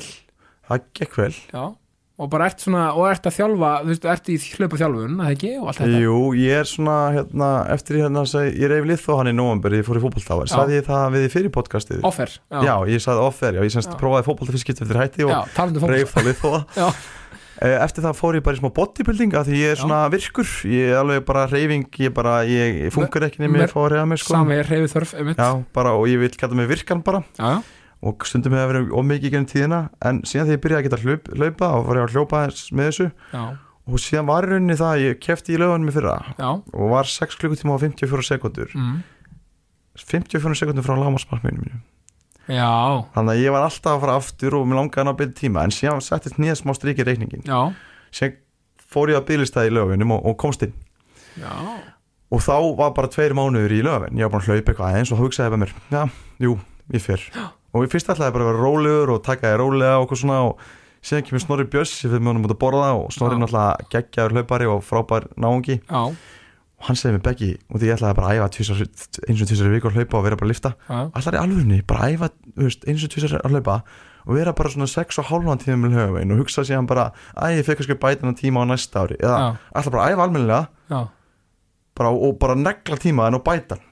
og ég er svo áhrifagjarni, ég er bara beint heim og sendi Arna Péturs bara, sendi mig prógram hann í næ undir veinum og Arna bara, ertu alveg viss? Já, og ég bara, já. Já, og síðan bara fór maður að æfa og síðan var ég að koma róvart, ég var að klukka í sömu tíma í ákveðin hlaupum og ég var að klukka í fyrra og þá æfði ég frá janúar, þannig var ég bara múin að æfa í tvo mánuði hlaupið er um miðan júli en ég ákveði að fara í hlaupið og gengum bara 5 km þingri nýbúin að rífa mig lithón vissi ekkert hvað myndi gerast fyrir hann í hlaupinu. Nei, en hljóplaupið og gekk svona fjári vel og upplýði ekki að mikla þjáningu þarna og upplýði fyrra, mér langaði bara til að kasta mér onni í annað í fyrra sko, og svo vond sko, Já. þjáningin og náða að bæta með um korter eða eitthvað já, sko. vel gert. Þannig að þú veist, ég var frekar stoltur af því. Þetta var svona stór sigur fyrir mig sko. Já, vel, sko, fyrst sem ég hugsa að þú segir þetta er, var það meiri gæði umfram magn í þjálfunni, eða þú veist, ég bara veltaði fyrir mér. Já sko, það er bara þú með mindset eða? Ég bæði reynsla af hlupið að hlupið fyrra. vistulega, já, og líka bara sterkari, ég var gummað Emil henni í, í, í bodybuilding. Já, ég er alveg orðin svona vel stæltur um lappinar og já, það alltaf síðan bara ég held að tikja leina að taka svona lönghlaupin á milli sko, upp á það, þú veist þú, það, þú verður alltaf betur og betur og venst þeim í rauninni betur og betur sko. Algjörlega. En þú ert náttúrulega hörku, hörku hlaupar þú ert að slá í rosalega tíma eða 5 og 10 Já, takk, já, ég, einmitt, ég er svolítið stoltur að þið, sko, ég að bæta, sko, vera undir einum og hálfum í hálfum marathoni, Já, það er alltaf ekki að já, 1.28, takk fyrir það, og svo, hérna, undir 18 í, í, í 5 og, og, hérna, undir 40 í 10, það er svona, það er svona, ég er sko malbyggsleipari, sko, mm og vist bara fíla það, og svona, ég þyrfti að fara að prófa einan gæslega þessi drulluhlaup, eins og er oft kallað, -hmm. var hlaupin, Drulluhlaupin, já. já, sem verður snill líka, ég hlaka til, mjög til að prófa. Ég er bara einhvern veginn, maður er einhvern veginn alltaf svona líka að miða svona, veist, ok, já, ég miða svo ofti sko, ok, búin að vinni þarna, ok, þá tek ég hérna, þú veist, guður hversi mati á tengd og eitthvað, þá bara Já. tek ég bara hlaup þangað, Já, já, já, skilur, maður, svona, maður svona samnýtir svona, þú veist, fjölskyldulífið eftir.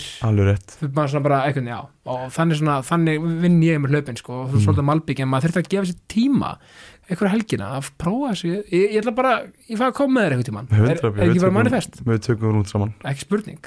Það er bara er bara, er bara klárt, það er bara staðfest. Algjörlega sko, og, og þetta er einmitt frábært sko, og þú ert með, sko, þú ert með master í hagnýtri þjálfunarsálfræði. Já, og þú ert bara sáðu út sálfræðingur.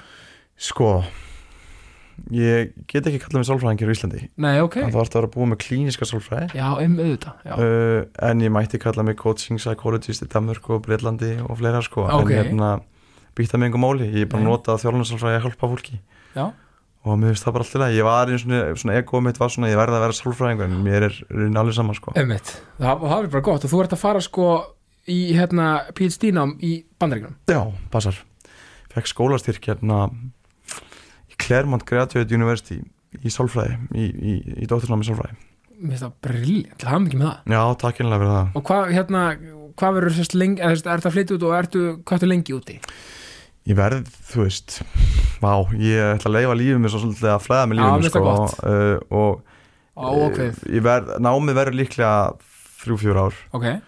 En þú veist, áfanganir verða líklega bara eitt, tvö ár þannig að það er ekkert meira til fyrirstu að skrifa hvað sem er því ég með áfangan og ég gætir henni verið í fjárðum frá skóla Emme, en síðan ætla ég náttúrulega að þróa bara það sem ég er að gera hérna heima meðfram úti og, og þróa businessi þar líka meðfram náminu og Geggjað. ég veit bara ekkert hvert lífið tekur mér Nei, sko. Nei, ég er svolítið stærsti lærdómur mér þessi árið Kristján, það er svolítið að ég er svona guð sem svona vill hafa svo mikið öryggi og vita hvert ég er að fara Já. og vera bara með bara, hérna er bara magi minn og ég er leiðin þangað Já, og, og, og, og, og, bara vita, bara líf mitt sér skýrt mannlegt eðlilega leitið öryggi. Já, en stærsti lærdómur sem ég læriði á þessu ári sem ég mun örgulega aflæra og læra aftur já, já. það er bara svolítið þeirru, nú ertu bara flæða kall minn, nú, nú, nú virkar ekki beint einhver stór markmiðasending, nú ertu bara aðeins að flæða. Fara bara út og sjá til bara. og ég er bara að gera það og þú veist, ég veit aldrei, ég er náttúrulega bara núna er ég bara einhleipur og, hérna, veit ekkert hvort að koma einhver kona inn í líf þú veist, eitthvað svo þannig Nei. ég ætla bara að lifa lífinu svolítið að taka mig sko. og finnst það gott, mér finnst það briljant sko, og náttúrulega og bandreikinu er alltaf stór markaður og, og rosa og veist, þeir þú veist, þú veist, það sem, þú veist, það sem við það sem bóðskapur sem við erum að, að hérna að bóða, Mhm. sem er jákvæðin og svona, hann á alveg vel við þar þú veist, þeir eru, bandreikinu er rosa svona, þú veist, upp til að hópa mjög hressir og kátir og, -hmm. þannig að það verður bara frábæð vettfangur þær, þetta geggja Já, ég er bara mjög spenntur þetta er náttúrulega allt svolítið stórt hana og ég Já. hlakka bara til að já, læra og þroskast og, og sjá lífið þessu augum og bara, þetta muni gera mig að þá öflur ég segi alltaf að þetta sé sko af því að ég komst ekki aðdurum mennski fólta þá fer ég bara í aðdurum mennski í námi sko. að- það er frábær frábær pæling og það, sko, sko, þú ert náttúrulega ertu með einhverja fyrirmyndir í sálfræðinni eins og þú er talað um Jordan Peterson til mér sem er, Mhm. sem er alveg magnaði nági Mhm. mm Já, hann er klálega sá sem hefur haft mest ári á mig og mitt líf og það sem Já. ég er að gera fyrir utan, þú veist, bara fjölskylduna og kærustuna fyrir kærustuna og, einmitt, og bræða mína og allt þetta sko einmitt, af því að ég man nefnilega sko, mjög svo, einmitt aftur, ég ætla að vitna, vitna í hérna podcasti með Óla Steff Mhm. af því að hérna, ég maður svo merkilega vel, ég var að hlaup, ég var agurir í fyrra það, það kom út svona var ekki fyrir sumar sem það kom út eitthvað eitthvað sliðis, já, Já, einmitt, um svona 20. júli eitthvað svoleiðis, þá var í fyrra, fyrir árið síðan var ég að hlaupa, einmitt á Akureyri eh, í sumafríi og tók góða rúmt þarna og hlustaði á okkur. Og Mhm. mér finnst það svo, þetta satt svolítið í mér. Hann talaði um Don Quixote bókina þeir töluðu um Hero's Journey. Ég fór að kefti með Don, Don Quixote Mhm. á hérna, sérst, hérna svona ykkur bókabúð hérna á Akureyri. Ok, af því að þið voru að tala um hana. Mjög, og ég er ennþá að lesa hún svo löng sko. en, en, en, en sko þið töluðum og þú talar um að, að þessi fræði versus, ég man einhvern veginn ímyndarnar að eða svona, þetta svona fiction. Þú veist að þú ert svona, þú ert fræði megin í lífinu, Mhm. ásamt því að vera þetta líka svona, að því að sumir eru svolítið bara fræði megin, Mhm. sumir eru svolítið bara svona svona svona megin, mér er svo gaman og flott að þú tekur báða póla og reynir að samina það inn hjá þér, ekki satt? Mhm. Jú, klálega og þá með komum ræðum Jordan Peterson og okkar fleiri, fleiri töffara sem algjörlega Ég held að sé bara eitt að vera fræðilegur og kunna, þú veist hagnýta fræðin þannig að hjálpi fólki í lífinu, sko veist, og, og að ná að tala um það áhrifar eitthvað móta svo fólk skilji þig já, og ná er að nota þessi vísindi segja til þess að hjálpa öðru fólki. Það er bara, og ég er ekki veist, nú er ég að fara að læra vísindi en það er bara eitt verkfæri sem ég vil læra inn á, þú veist, Já. ég er búin að læra fullt um vísindi ég er að læra ennþá meira um vísindi. En sem vil ég líka vera svolítið praktískur og ég er líka þú veist að nota þjálfinsálfræði með fólki og ég vil Mhm. líka halda fyrirlestra og ég er, ég vil að fólk geti, vennilegt fólk innan gæsalappa, það er engin er einstak- fólk já. geti hagnýtt það sem vísindir að segja í sitt eigi líf og ég er alltaf hugsað út frá þannig því ég er að skrifa bækunar þið eru að tala og reyni eins og með, með bestu geta að einfalda flóki í málinni og þetta er allt bakkað upp á einhvers konar vísutum, einhverjum kenningum eða rannsónum sem ég er með í bakgrunni. Einmitt, en þeir ekki bara vera þar þú, veist, þú, það, það er eitt að vita já, og það er annars síðan að geta í rauninni bara verið holgeringu þekkingan og geti komið hann á framfæri. Og ég vil svolítið vera þar. Einmitt. Og þar eru svona fólki sem ég líti upp til í heiminum, hvort sem er Jordan Peterson eða sem nefni ég oft Adam Grant og Já. Brené Brown líka jafnvel og, og fólk svona sem er einmitt gott í þessu, það er bæðið með sterkan grunni í vístum sem er svona ákveðið tröst og treystir einslinum, einmitt, en er líka góður í að veist, miðla til þín já, hvað vísindir er að segja, svo þú getur notað í þínu eigin lífi einmitt og þú ert greinlega svolítið að vinna bara með best of both worlds Já, ég myndi segja, ég sé hann á milli bara Já, sko. að, að því að við mitt sumir sem, sem er kannski svona meira svona, svona heimsbyggi megin og svona, Já. það er svona bara allt er ekkert og, og ekkert er allt eitthvað svona skiljum bara pælingar skiljum og, og, þú veist, og vísindin og þú veist, mér finnst alveg góð pælingar þú veist, vísindin eru búin mönnum og menn eru þú veist, skiljum og allt þetta og hvaðan kemur vitneskjan frá það sem kom fyrst með pælingar, að skilju Mhm. er hún rétt, eh, jari jari skilju, Mhm. sem er gott að blessa en, en, en vísindin eru þannig skilju og þær eru já, oftar en ekki bara staðrendir og, og svona, að búa sannreina og alls konar og þú veist, máli og, og, og, og sápól gaggrinni kannski er hann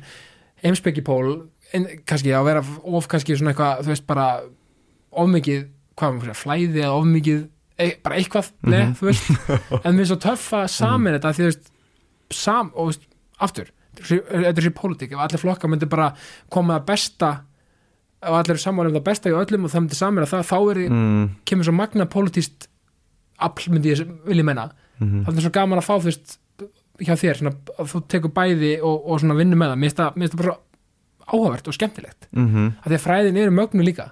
Algjörlega.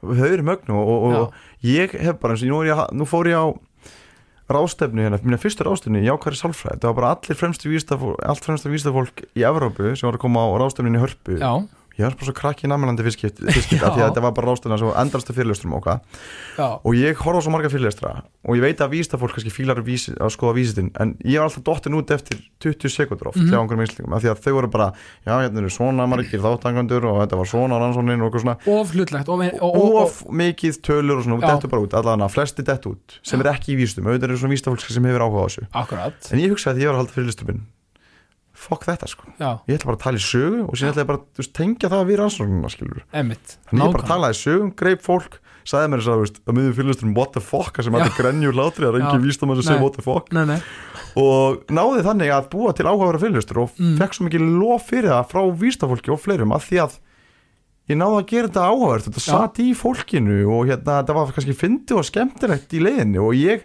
kannski sem vinnu með mér, hver er hver, nú er ég að lítandi á tattúum mitt. Mhm. hver er með hver er einhver doktors með doktorskoði sálfráður er allir flúraður skilur er Einmitt. svolítið, ég er bara kannski þessu er ég bara, ég er ekki dýninu boksi skilur Nei, ég einmitt, er ég bara ætla svo ég er skilur ég ætla að segja, þú ert svolítið svona já, emmitt, þú, og þú er algjörlega og kem bara hérna til dyrna eins og klættur og bara með því þau húðflúsjóð með og minnst já, það gegn já, bara þú veist.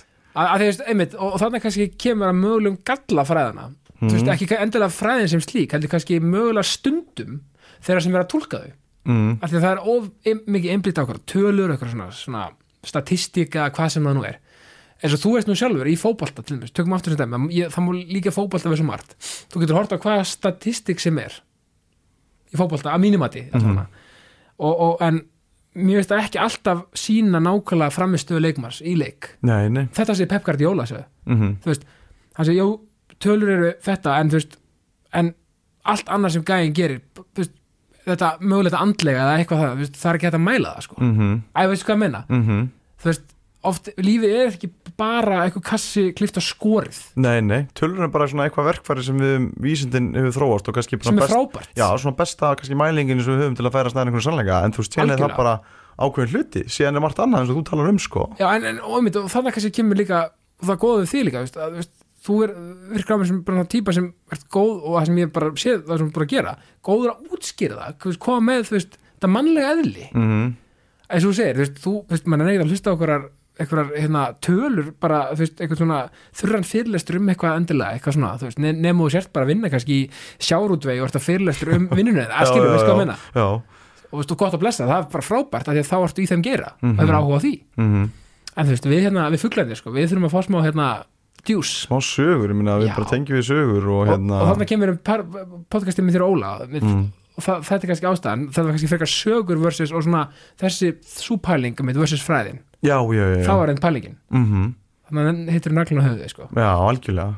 Og það er hérna það er alltaf bara að rannsaka fullt af sögum sko, eða það er bara að rannsaka sögur, skilur. En ég er Já, að tala um já. bara eins og bara ef ég væri, þú veist, nú er ég bara að halda þó nokkuð marga fyrirlestra, sko. Mm og þú veist, verkefni mitt er alltaf bara sem er svo skemmtilegt. Og ég get haldið fyrirlisti kannski bara fyrir 66 gránar stjórnundu þar eða eitthvað og sem já. get ég haldið fyrirlisti bara fyrir 14 ára þú veist, ungt fólk í, í já, já, og það er alltaf, þú veist mismöðandi hvernig maður talar, hvað tungumála maður talar og maður einfalda tungumálið og maður talar öðru sögum og svona.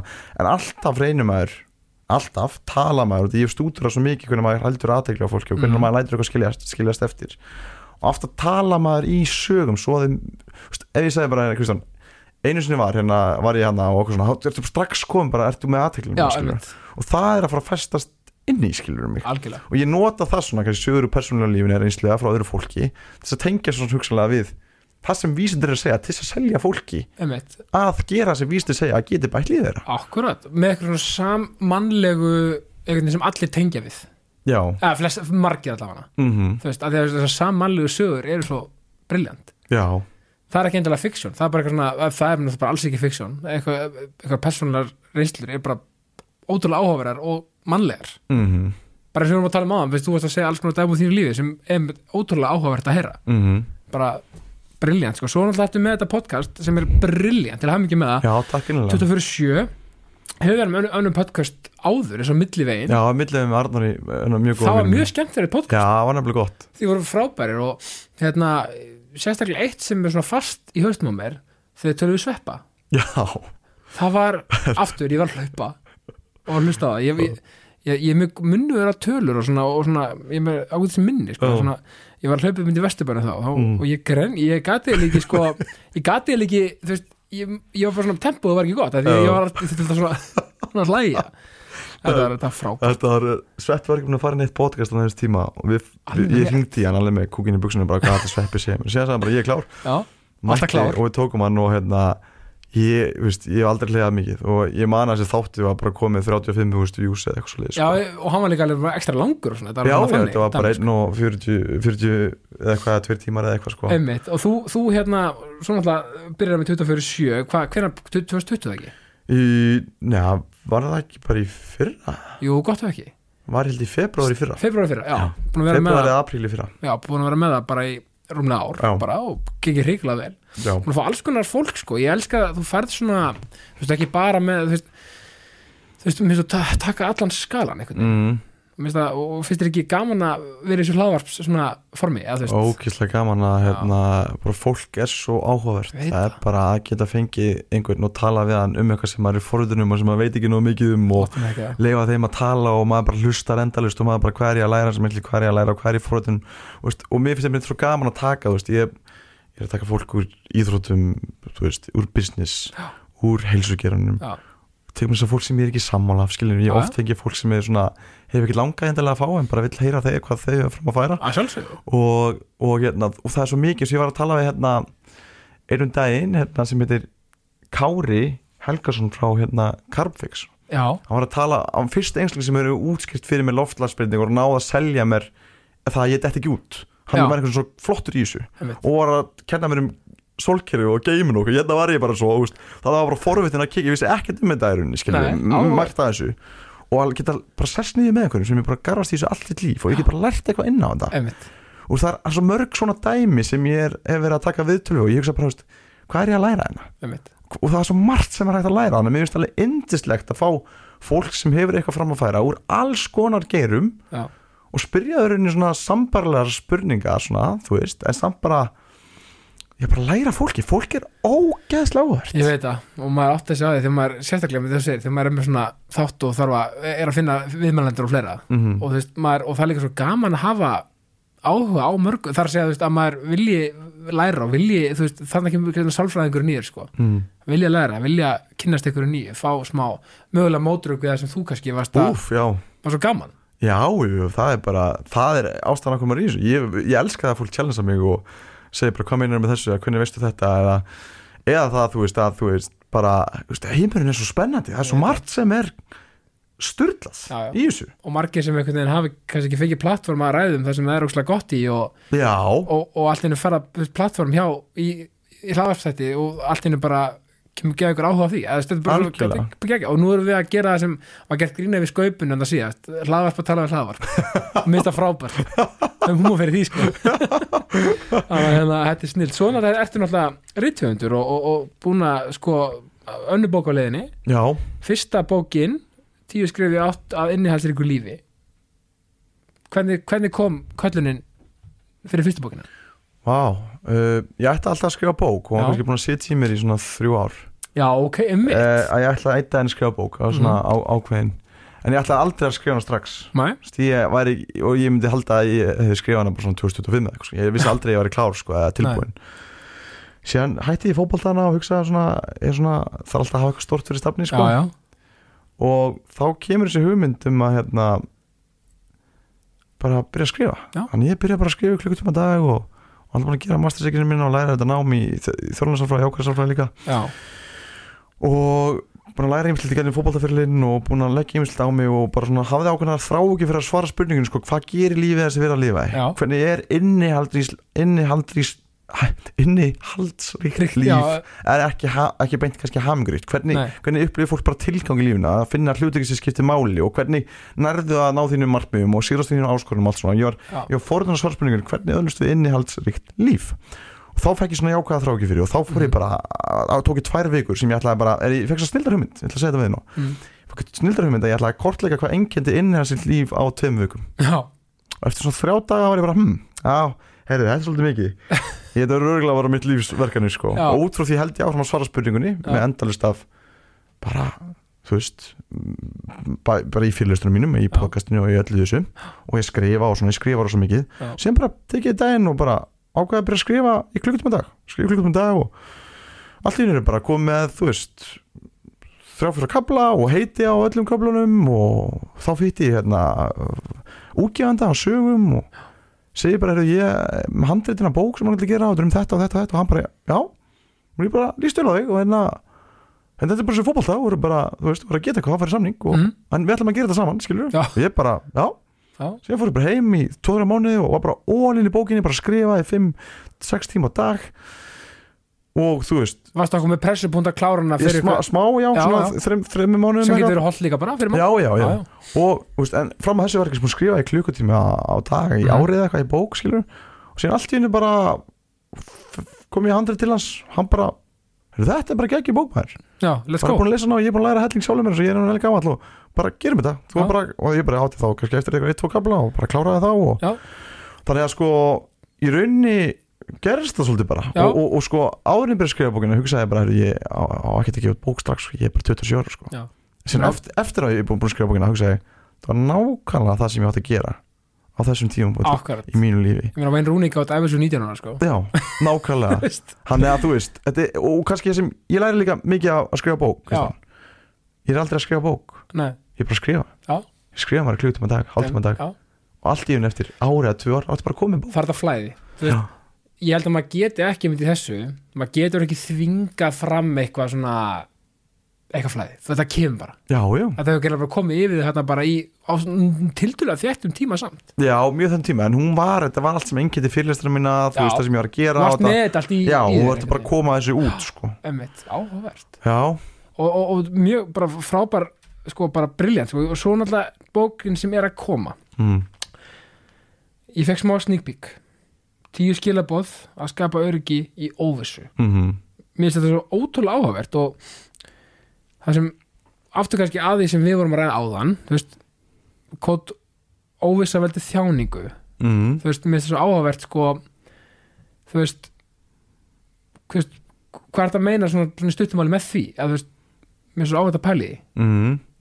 óvissan veldi þjáningu Að því að sko Það líkar engum vel, vel í Nei, óvissu sko. það er ekki verið að öryggjur sem þú veist að Já, við, við svona að líkar engum þú veist, við viljum það líkar engum þegar lífið er ómiklu kási sko. emitt, og það getur ákveðin þjáning í óvissu af því að þú fer að setja kannski ímslegt í eyðunar bara er þau, shit, stóra ákvörðin var þetta skólan eða starfið sem ég er að gera bara, það er allt svo yfirþrimandi eða Mhm. bara, er þetta rétt í maki fyrir mig eða, eða hvað mun gerast eftir þrjú eða mun ég sjá eftir þessa ákvörðin eftir fimm ár eða hvernig verður heimurinn eftir tíu ár? Og þetta er allt svona bara svo mikið stressvaldandi? Já, stressfólandi og, og, og við erum ekkert rosalega góð að setja eitthvað jákvætt í óvissu þetta sko. Nei, nei, sem vanlega túlkum á neikvæðan þátt skilur ef, ef, ef þú myndir eftir podcasti bara allt er ekki svara skilabóðan frá mér. Eftir Einmitt. Instagram, þá myndi ég hugsa bara Kristján, hann það vitur að vera í fílu við mig. Eða hvað er hérna, hvað er á honum? Og okkur svona og síðan bara en síðan bara heyri ég þér kannski bara þreim vikur sinna og sagði þú bara, já, já, ég hef bara smá sumafrí sko. Já, bara hérna, hérna þáttunum kemur út eftir Já, þannig að við erum svo góð í að setja það neikvæðin eðunar þannig að Já. óvissa veldur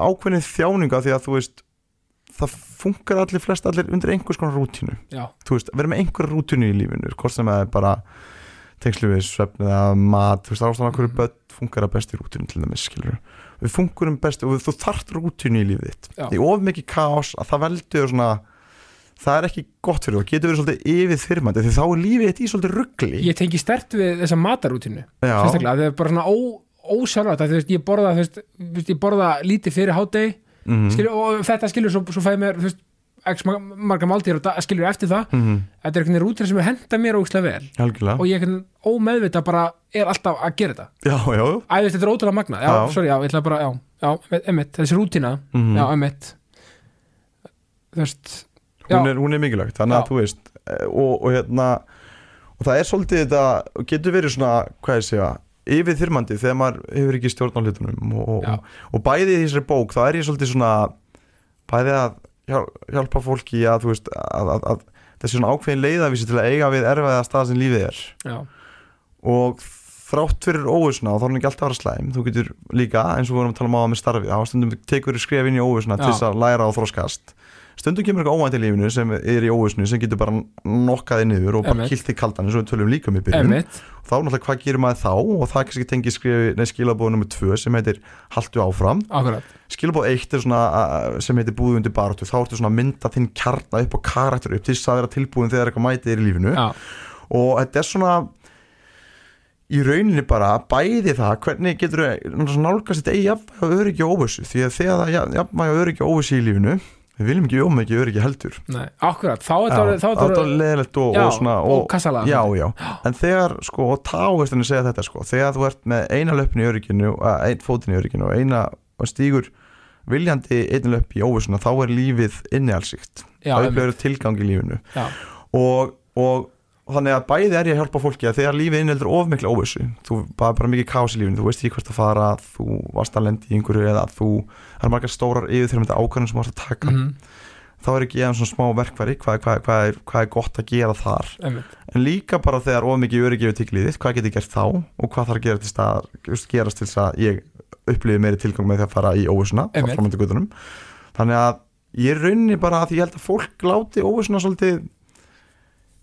veldur fólki meiri þjóning heldur en þarf að valda sko. má kannski sumera þetta upp með því að segja að þú sért að finna, hjálpa fólki að finna millivegin, milli óvissu og öryggis. Já, það er bara pæling. Já, já, sko alveg, alveg klálega, Já. sko að nálgast millivinn, ég held að maður finna hann aldrei. Það finnur hann, einmitt, einmitt, einmitt. Já, þetta er svona eitthvað svona svona hólana maður- mitt á millir Já, fyrir ekki já. alveg miðin er svona, já, já, einmitt. Hann að, jú, ég myndi segja klálega að það sé sko. Að því að við þurfum, eins og, eins og þú segir þannig að hittur í naglu höfu, við þurfum bæði. Mm mannskeppnan þarf bara bæði. Já, já. Menna, lífið væri, við þróskust ekkert í öryggi og Nei. lífið væri leiðilt að vera með öryggi og, Nei, og mér finnst mér það líka bara skemmtileg pæling. Þú segir hvert skilabúð er svona sjálfstöð eining. Já, já, þú veist, mér finnst það áhugavert og, og þú veist, það er í kvóti sko eitt en það, hvert skilabúð með vonandi betra mann sjálfan, fólki í kringum mann, samfélagið og heiminn. Það er að segja, þú veist eh, mér finnst það svo, þú- það var ekki, ekki nákvæður svona, en það var svona þannig, það var pælingin. Mhm. mér finnst það svo fallegt. Mm það er að vera betra, þú veist, óvissan öryggið, það er að þú veist, en mót, veist, þegar allt öðru botnin kvöld við erum að betra allt. -hmm. mér algjörlega. finnst það geggjað. Já, takk fyrir það. Og það sem ég, ég kemur inn á sem vorum að tala um á með uh, fræðimæður maður fyrst hagniti maður Já, já, já. með þessari bók er ég bara að reyna að koma einföldum skilabóðum um það sem ég til að virka byggt á vísnum á mínu eigin lífi og lífi á, á miklu bara, bara flottu vísta fólki ég er búin að og ég, ég, tek hvert einasta skref sem er svo Mhm. sjálfstæð eining sem er alltaf að sömu miðunni skilur, hvort sem að tengist öryggið og óvissunni. Og í rauninni sko, með hver einasta skrifi þá eru komið bara praktísk skref sem lesandi getur tekið ef hann vill. Einmitt, til að hagnýta lestur ég er að reyna að hafa þetta eitthvað sem nýtist fólk í lífinu. Og einmitt. þegar þú nýtir það í þitt eigin líf þá vonandi verður þau betri einslingur og þá gerir fólki í kringu þau betri. Þá gerir samfélagi betri. Og akkurat, þá gerir heiminn betri einmitt.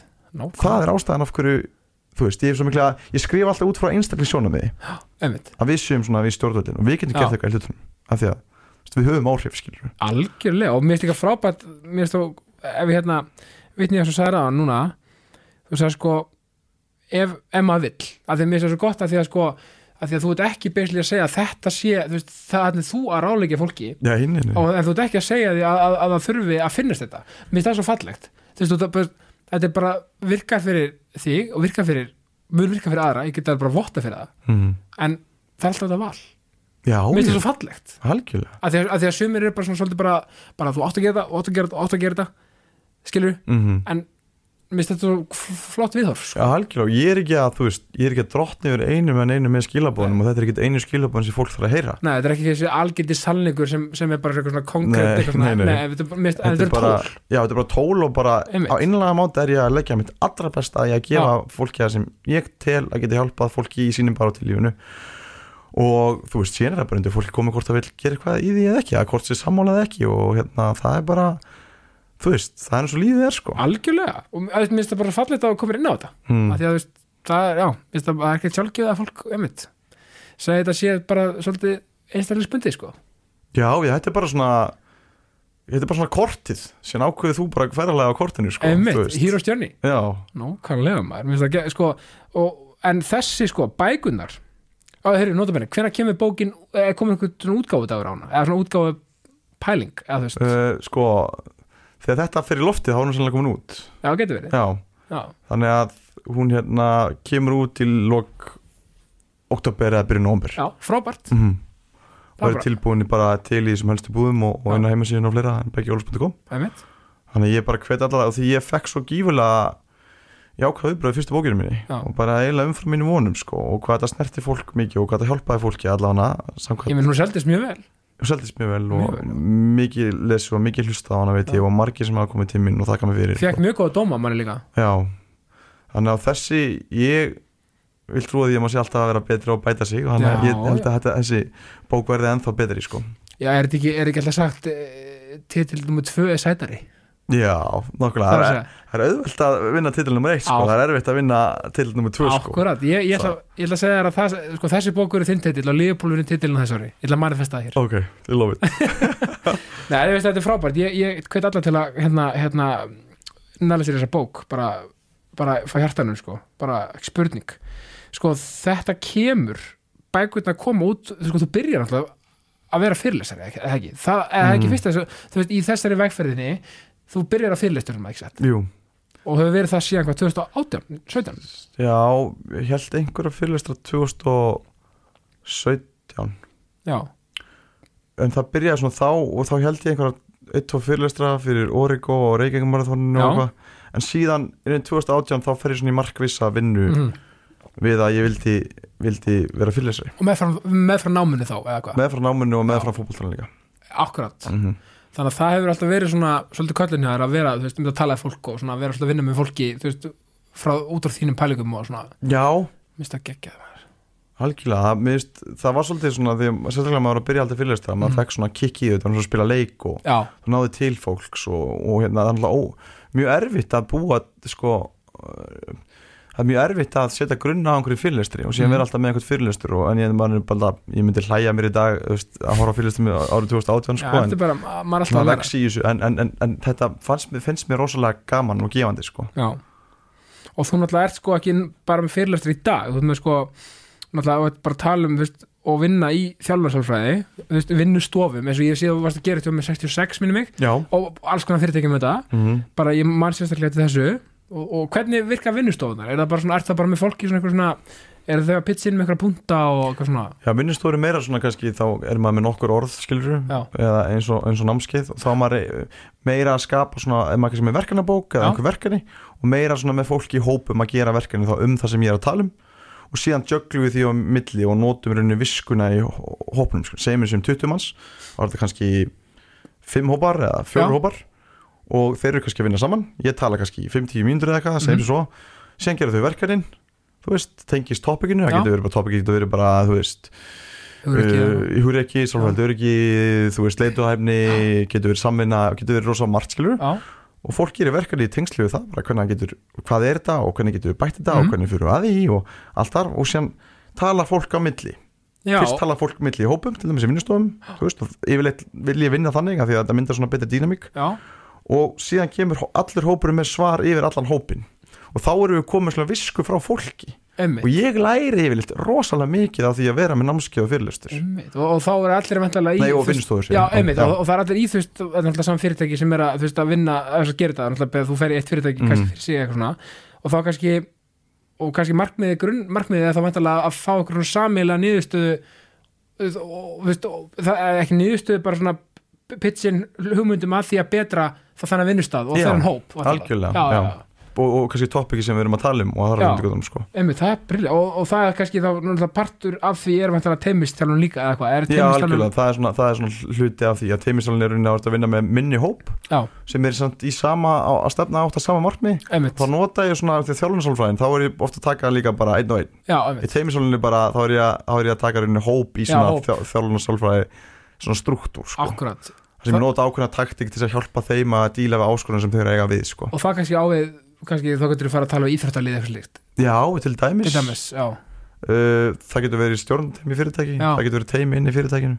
En ég er bara að hjálpa þeim að vinna saman veist, og hvaða áskorunir þau eru að standa fram með og hvernig lausu við þar áskorunir og, og sko, en hvað með þessar greiningar? Er það, er það eitthvað sem, hvernig virka það? Já, til dæmis bara ef einhver kemur mín og hérna bara ég er með áskorun í fyrirtækinu mínu Mhm. og hérna það þetta og þetta og þetta. Þá þarf ég fyrst að taka smá rannsóknarvinnu og greina þess og fara og tala við fólkið og sjá hvað er í gangi Já. og kannski mæla eitthvað. Og út frá mælingunum skilur þá getur maður komið með ákveðin yngreip skilur mig. Aftur fræðin versus Já, hérna já, sögurnar rauninni sko. Mjög áhverð Þannig að bæði, bæði getur maður þú veist, mælt í rauninni og fengið einhverja datapunkta út frá spurningalistum eða út frá einhverjum annars konar mælingum, getur einhverja líffræðilega mælingar eða eitthvað svo já, en maður getur líka fengið bara mælingar út frá bara samtölum og séð eitthvað minnstur þaðan skilur og Mhm. hvað við erum að fara að vinna og af hverju já, og það er svona aðalega já þetta er hérna, ég bara mæli með allir heyri, heyri þér og, og fá þetta að koma því að ég hérna, já, mér mér þetta hérna allt þetta sem stendur fyrir finnst mér vera einhvern veginn við bara allstaðar þannig að Mhm. ég, já, bara bara go for it sko hérna, en, sko, sko, þú ert náttúrulega ágætlega virkar á samfélagsmiðlum já, hvernig hérna, þú veist, ertu svona finnst þér samfélagsmiðla, myndur þú flokka þessum áhrifald? Inf- influencer. sko já, ég finn, ég er ekki sérlega hrifin að þessu orði sko Nei, og ég vil ekki meina að ég sé þessi típiski áhrifavaldur sko Nei, nei.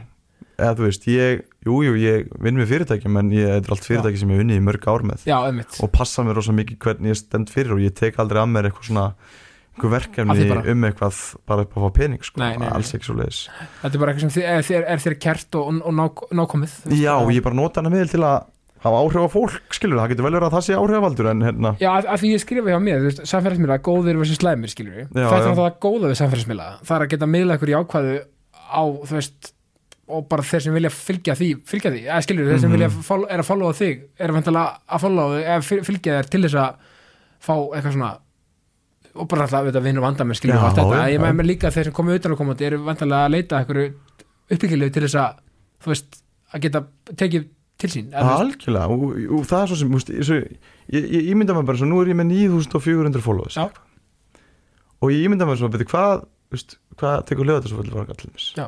Hvað tekur það marga, ég man ekki hvað hann tekur marga. 7500 Já, ætla sér ekki já, og það er bara eins og, Ég held að hann tækja þetta tíu, svona um tíðust sæti. Ok, segjum bara að það er þessu fyrir að horfa á það sem ég seti í Já, þá hugsa ég bara, hefur ok, fá hvað ég get haft áhrif á marga bara með því að taka eitt vídeo. Einmitt, og það, og það gefur þér tilgang að vera hann inni Já. til þess að þetta ykkur góðu. 100% það er ástæðan okkur ég er að inni sko. ég hef alltaf litið á samfélagsmiðla út frá því ég ætla að nota hana miðl í að hafa vonandi góð áhrif á fólk. Og, og til þess, ég verða að koma inn á þetta núna.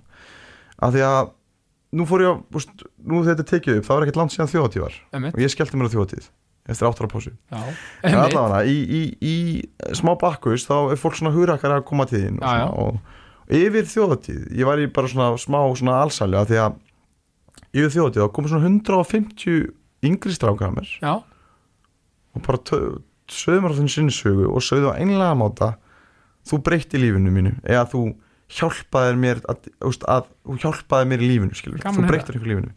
Og, og, og að heyra þessa skilabó frá einhverju og margir sem komið með nákvæm dæmi bara sumir sem voru bara og bjargaði mig frá því ég gerði sjálfsmór skilur Já. og eitthvað þannig skilur og, og bara heyra þetta skilur það er nóg fyrir mig ef ég ekki eitt svona skilur einmitt, en þannig er bara, ég er að snerta fólk og hafa áhrif Já. fyrir mér, auðvitað á maður ekki alltaf þurfa að finna fyrir þessu, að fá okkur hrós en þú veist, maður er að hafa áhrif og, og þannig er ég bara, herru, þetta er ykkur strákur sem er að horfa bara á vídjóum mín og allt þetta.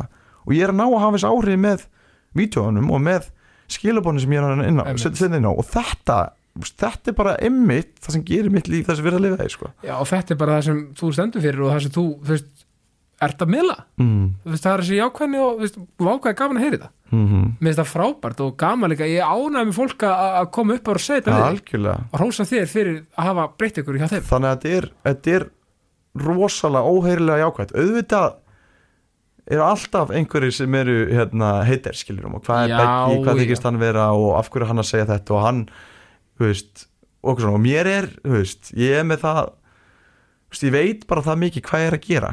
Já, og af hverju ég er að gera já, það, trubla mikið neitt og það er alltaf eitthvað þannig skilur en, já, en, en þetta trompar það allt bara margt, já, sko. algjörlega og, en líka, þú veist, fólk líka verður bara einhvern veginn, það er líka svo áhugavert sko og ég hugsa að þú myndir taka því fagnandi ef ef ykkur er sem er að þú veist, hefur verið að gaggrina eða eitthvað, ég veit þú skilur að við taka samtalið og sína og, og honum eða henni það úr hverju þú gerður skilur það er að 100%. segja, komum við þína hlið að því að alltaf er maður með eitthvað svona ef maður þekki manneskjun ekki maður alltaf með eitthvað svona maður, þá bara sér maður þessi manneskja leikur út skilur Hmm.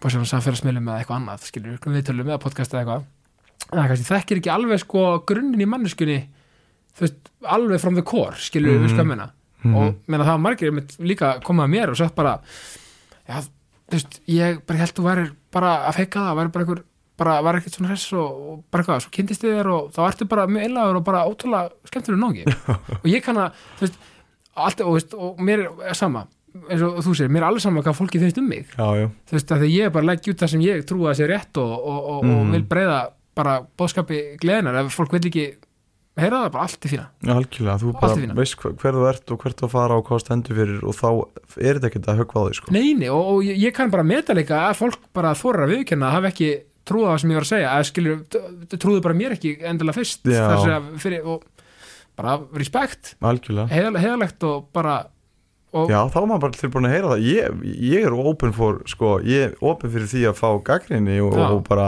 að því að gaggrinni er ekki neikvægt orð. Að rínandi gags er ekki neikvægt nei, bara endur, endur gjöf en fólk Já. er ekki sérlega gott að gaggrina sko. það fólk, máli, fólk má alveg gaggrina sem ég segi Já. og jú, ég má mér, ég má svo sem gaggrina mig líka sem manneski en fólk gaggrina alltaf mikið fólk sem manneski akkurat, útráknum eitthvað persónulegt. Já, en í staðin fyrir að vera bara gaggrina málefni, sko. Já, það er gott og blessa Já, það er, ég tek því bara fagnandi sko, en mér finnst svona já, frekar svona eh, já, ekki nógu vandað að fara bara beint í manneskina Nei, nei, þú veist, það er bara, það er bara guld og raut sko, eins og í fótboltanum. Já, já, á að vera það, nei, þú veist, að því að, að því að, veist, einmitt, oft, oft er fólk eitthvað gaggrina og, og þekkir ekki endilega með mannskjuna og Mhm. þekkir ekki fyrir endilega nákvæmlega hvað mannskja stendur fyrir. Algjörlega. Þannig að samfélag sem er áhugaverðir og skemmtilegir að mörgu leiti en geta líka verið neikvæðir. Mm eh, er eitthvað svona eitt atvik sem mótaði sem persónu hvað mest? Eitthvað svona sem stendur upp bara, jú, þetta bara Já.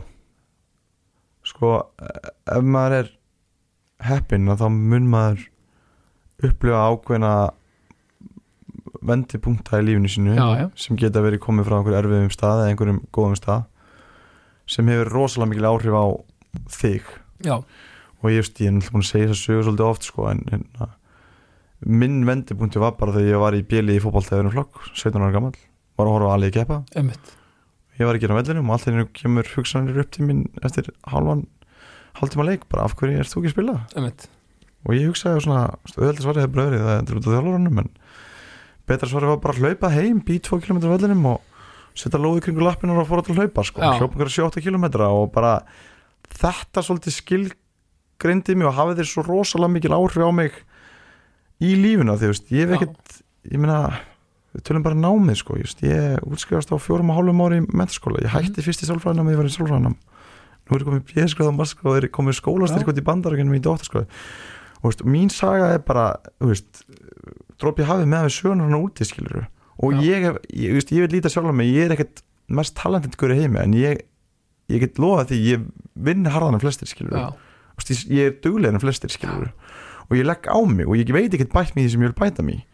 og, og það er undir mér komið. Það er svolítið sem ég lærið á þessum momentu fótbolltöðurum, ef ég vill vera í aðliðinu ef maður langar að líða vel, ef maður komast til aðlega ef maður langar til að ná þeim markmið sem ég vil ná þá er enginn að fara að gera fyrir mig, ég er að fara að gera og ég þarf að leggja í er minni ábyrgð, það er, ekki, engin, það er enginn að fara að hjálpa mér ánga að gefa mér á silfu fati.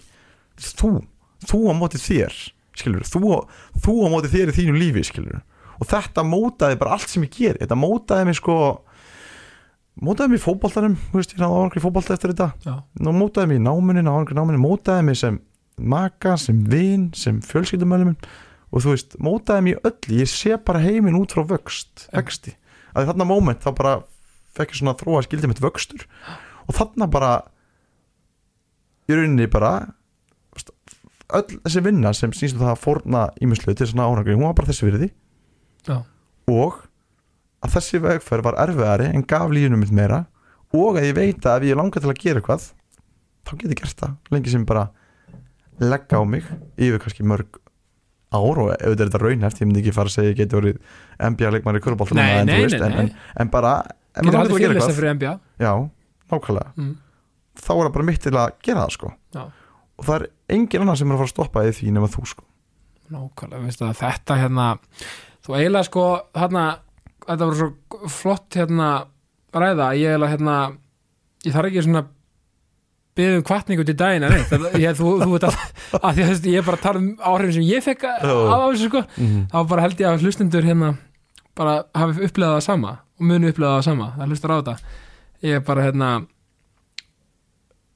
já, ég, ég, ég, held að við setjum bara punktin yfir í hérna. Já, bara frábær lokaord Beggi, takk kærlega fyrir komin í jákastið. Já, takk fyrir að fá mig. Er bara, mín er öll ánægjan og hérna, ég, ég segi bara hérna, eins og ég segi alltaf við lókin, ást og friður. Ást og friður og bara gangi ég velkallið mér, það var ríkilega gaman að koma. Takk fyrir mig Beggi minn, við, hérna, ég hlakka til að lesa bókina. Og taka hlaupið saman Þa, það er manifest, já, já, það er best ekki spurning það, það, þetta er á teipi, 100% fer út í kosmosin já, takk fyrir mig Beggi minn. Takk fyrir kallið minn